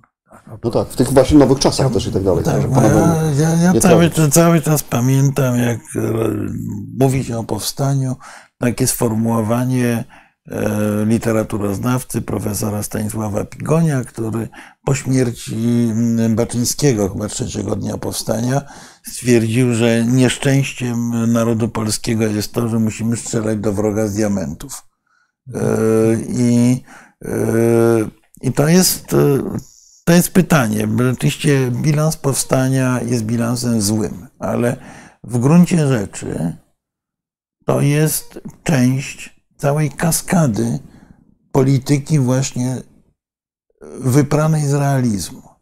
Bo gdzieś na początku jest, są błędy polityczne Beka, e, Rydza Śmigłego, który wprowadza Polskę do wojny w takim, a nie innym, w takiej, a nie innej sytuacji, jednocześnie doprowadzając do rozwibrowania e, mentalnego Polaków, bo Polacy wchodzą do wojny w przekonaniu, że ona jest wygrana. Mocarstwowości, absolutnie. Tak, jest mocarstwowości. powszechnie dominujące I nagle ta mocarstwowość zderza się z klęską, co przetrąca kręgosłup społeczny. Ten kręgosłup społeczny prostuje się w tej Warszawie właśnie głównie, bo pamiętajmy, że wojna w Warszawie, wojna na prowincji wyglądała zupełnie inaczej. E, I on się prostuje do tego poziomu, że wybucha powstanie, które chyba było w jakimś sensie nieuniknione, jeśli idzie o postawy tak. społeczne. To nic było, nie ale nie, To ale nie, było nieuniknione, tylko mogłoby, mogło być serią incydentów jednodniowych, No tak, ale, ale koszt byłby mniejszy dzięki temu. byłby dużo mniejszy koszt, byłby serią incydentów. Może tych natomiast- diamentów dałoby się ocalić. Natomiast w momencie, kiedy to powstanie stało się programem politycznym, kompletnie nierealistycznym w, te, w, w ówczesnych warunkach, yy, bo pamiętajmy, że Czesi, którzy nie wywołali powstania, jednak po, po II wojnie światowej przynajmniej mieli przez chwilę rząd Benesza, rząd demokratyczny, który wrócił z emigracji. A myśmy zaorali się do tego No tak, poziomu, tak, tak. że y, nie było już tej elity, która rzekomo miała powitać wkraczających Sowietów w Warszawie. Znaczy, dla mnie w sensie politycznym, e, dlatego no, w zasadzie powtórzę, tak, no, powstanie warszawskie było katastrofą, tak, Tak. Mhm. I, i, to, i, to, i to wielowymiarową kosztowną, nie? więc to e, w tej chwili też, no właśnie musimy w tych nowych czasach na tym też spokojnie, poważnie e, porozmawiać. No, ale, taką, ale to jest między innymi wynik, słuchajcie, braku przywództwa w ówczesnej Polsce. Nie było autorytetu, nawet takiego, jak, y, jaki miał Sikorski w y, początkach II wojny światowej, który potrafiłby podjąć decyzję, nie, nie bijemy się, bo ciśnienie rzeczywiście było ogromne. Tak, ciśnienie było ogromne, tak. tak. Tylko na tym też e, polega odpowiedzialność przywódców prawdziwych, Yy, tak, że, tak, że prawdziwy- potrafią zadbać pójść o ten interes publiczny, pójść, e, pójść pod prąd. Ja zawsze w tym, w tym kontekście, e, że w II wojnie światowej nie potrafiliśmy tego zrobić, ja zawsze tutaj e, powtarzam tą historię z e, De Gaulle'em, Mhm. E, który, no przypomnijmy, w zasadzie większość, jakby tak policzyć, to wojny spędził w Afryce, bo e, bo generalnie był źle widziany w Europie, tak, to nazwijmy, mówiąc, nazywając brutalnie po imieniu. go serdecznie nie znosił. A przypomnijmy, Churchill go nie znosił za względnością zresztą, Amerykanie przypomnijmy, że do, e, do wypowiedzenia wojny przez Niemcy, bo, bo taka była kolejność wydarzeń historycznych, no, utrzymywali relacje dyplomatyczne z rządem Wiesz, francuskim, z państwem francuskim, że tak, tak. powiem, tak? E, Więc e, to, to, to, to, to, ten, ten, ten przebieg polityczny zawsze II wojny światowej nie jest taki całkiem e, prostolinijny, powiedzmy, i tak dalej. Ale wracając, de Gaulle, który był byle jakim pułkownikiem, kompletnie nieznanym publicznie, ale był najwyższym rangą e, człowiekiem związanym w ogóle z państwem francuskim, który, który się tam przedostał za, za, za kanał. Nie, już, już, już jako generał się przedostał. Nie był pułkownikiem jeszcze? nie, już, już do, dostał awans. No Okej, to dostał awans, ale zdaje się w trakcie działań wojennych. Świeżutkim, tak, był Świeżutkim, świeżym tak, generałem. tak. Czyli świeżym generałem, który się dostał do tego, to wtedy, kiedy miał pierwsze wystąpienie oczywiście, nawet się Anglicy wtedy nie poważyli e, powołać rządu francuskiego na migracji, tylko powołali Komitet Wolnych Francuzów, Mhm. przypomnijmy, a to była świadoma decyzja polityczna oczywiście. E, I ten szef tego Komitetu Wolnych Francuzów, pierwsze wystąpienie, które miał e, do jeszcze tlącego się oporu we Francji, to oczywiście Anglicy przygotowali mu wystąpienie. I co wtedy zrobił Gaulle? W kompletnej sytuacji, można powiedzieć, w kompletnie beznadziejnej sytuacji politycznej. Tak, A propos suwerenności, właśnie tak, tak. To powiedział, że jeżeli Churchill chce przemawiać do Francuzów, niech przemawia, nie ma nic przeciwko, ale jeżeli ma Francuz przemawiać, to będzie przemawiał Francuz. tak to jest opisane. I myśmy, a myśmy takich rzeczy nie, nie, nie, myśmy jak barany szli zdobywając Monte Cassina po prostu, co teraz bohaterstwo czcimy po prostu i tak dalej, tak, ale, ale ja wtedy, mi się marzy, żeby wtedy polskie dowództwo no, postawiło warunek po prostu, że my, my możemy walczyć, ale jak idziemy na Warszawę, tak, jak, e, e, pokażcie nam tylko drogę, No, ale, tak? ale, ale z, drugiej, z drugiej strony e, e, no cały, że tak powiem, dramatyzm e, tych wojsk spadochronowych Polski, prawda, i Sosabowskiego był na tym, że Szykowani byli do innych Tak, celów. tak? szyko- szykowani do innych celów i rząd bardzo, londyński bardzo długo nie, nie chciał się zgodzić w ogóle na użycie prawda, ich do, w jakichkolwiek operacjach i oni właściwie weszli w ostatniej chwili, no i potem były jeszcze te, te kłamstwa i oszczerstwa tego. No, tak, no, Ale- No dobra, ale właśnie... Słuchajcie, bo zaczynamy mówić już o zupełnie innych historiach. Nie, no ale, ale- ale to jest kwestia właśnie y, po pierwsze politycznego rozsądku, po drugie odpowiedzialności do dwupoziomowej e, przywództwa. Jednej takiej, żeby nie tworzyć obrazu iluzji, bo ta iluzja A moim zdaniem ona dzisiaj jest tworzona dalej w Polsce. jest tworzona. W kontekście owszem. wojny również. Tak jest, również w kontekście wojny, w kontekście I- tych i- zbrojeń i ko- tak dalej. Nasi Nowakowie Y- kupują to. To, jest, to, na, na, to mnie No bo iluzja, iluzja się polega. dobrze sprzedaje y, poza wszystkim innym. Także- I y, zdolności y, przywódców do pójścia pod prąd w sytuacji ważnej czy kluczowej.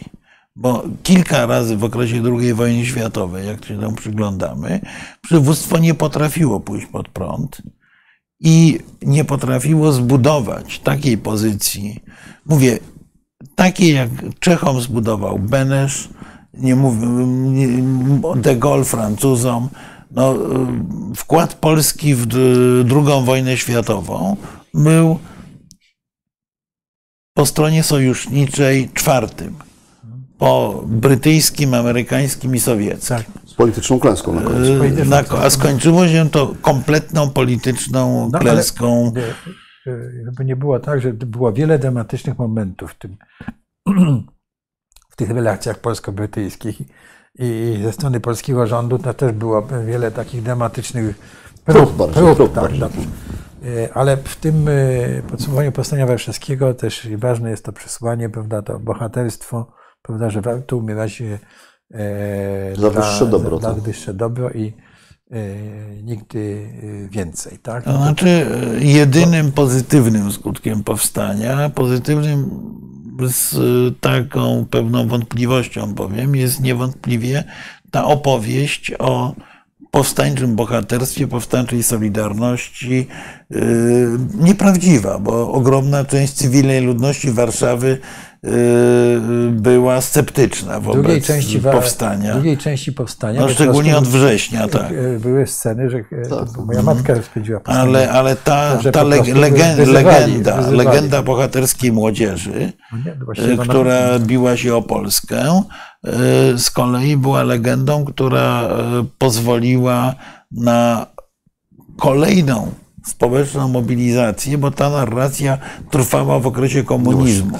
To ja bym powiedział tak, już, już, już też rzeczywiście Tak, tak, kończę, y, ale odniósł się tylko w ten sposób, że y, ja osobiście uważam, że właśnie, właśnie w tym kontekście, o którym mówiłeś, w sumie paradoksalnie trochę, ostatnią nieodrobnioną lekcją, którą mamy, bo ja uważam, że oczywiście czas komunizmu był czasem zawieszenia, więc ileś rzeczy Mhm.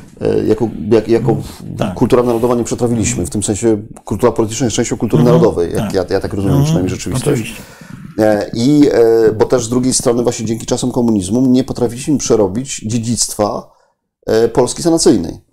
I dziedzictwa Piłsudskiego, senatorów w ogóle i tak dalej. Tak. Tak. Więc w tym sensie komuniści wy- wytworzyli wielką łaskę, bo w kontekście rzeczywistości komunistycznej e, wszystko było, miało Tacy. charakter raju, co było Raju. przed w kontekście tak. niepodległej Polski. Nie wypadało A tym rajem nie było. Nie A tym rajem nie było. I to, I to w kontekście jak gdyby konieczności przetrawienia dla pozytywnego rozwoju polskiej polityki również jest potrzeba jeszcze głębsza debata o y, dziedzictwie y, państwa polskiego w wykonaniu senatorów i piłsudczyków, powiedzmy, tak? I to jest e, ten ostatni element, który właśnie komu- komunizm został zawieszony, a którego jeszcze nie przetrawiliśmy. Znaczy w ogóle tak, no, mit II Rzeczpospolitej i w jakiejś mierze ten mit yy, II wojny światowej, tak. Ale no, ja oczywiście jestem wychowany na tej micie II 10 minut Rzeczpospolitej, a tutaj Yy. ktoś mówi, że dwóch dziadersów zaprasza sobie gościa. Yy, ale, Ale e, proszę, panu, e, proszę Państwa, no, Też ale, tak. e, ale e, przepraszamy, ale tutaj e, e, jest e, Joe, Joe Biden jest starszy e, od nas i żeśmy go wymieniali, że nagle prawda, potrafił Nie, no zorganizować bo- bardzo nowoczesne spotkanie, z którym wysnuł. Nie no, przede wszystkim, przede wszystkim postawić bardzo ważny, yy, bardzo nowoczesny wniosek, ale, ale rzeczywiście, no, ja bym powiedział tak, że yy, my mamy problem zarówno naszą historią, właśnie tą historią, która nas zamknęła w tej yy, klatce walki o niepodległość, utrwania niepodległości, która nam nie pozwala myśleć normalnie politycznie. No tak, a to musimy to, tak, a, a musimy to A, osiągnąć. Tak, a po, To drugie, a po drugie nie potrafiliśmy rzeczywiście prze, przerobić tych błędów, które nasi dziadkowie czy pradziadkowie popełnili, który, i na których powinniśmy się uczyć, a się nie nauczyliśmy. Proszę Państwa, e, bardzo Państwu dziękujemy, że Państwo wytrzymali z nami tyle i dziękujemy Panu, że Pan w ogóle też z nami wytrzymał. Dziękuję tyle. bardzo. To była bardzo ciekawa dyskusja. Polecamy książki Pana, naprawdę warto je przeczytać e, i kupić i, i, i czekamy też na książkę nowej Konfederacji, nową. E, No i rozumiem, że w dalszym ciągu będziemy kontynuować e, dyskusje prawda, publiczne na temat tego, żeby e, e, wiedza o polityce zagranicznej prawda, była coraz na wyższym poziomie i żeby docierała do naszych nowaków. Chciałbyś coś dodać? Ja bym chciał dodać tylko jedno, że no my się z Robertem zazwyczaj zgadzamy, przynajmniej w konkluzjach, niekoniecznie w szczegółach, ale, ale ja bym powiedział, że warto, żebyśmy wykorzystali kolejną historyczną koniunkturę, którą mamy e, właściwie trze- co najmniej w trzeci, jak nie czwarty raz w ciągu obecnego stulecia.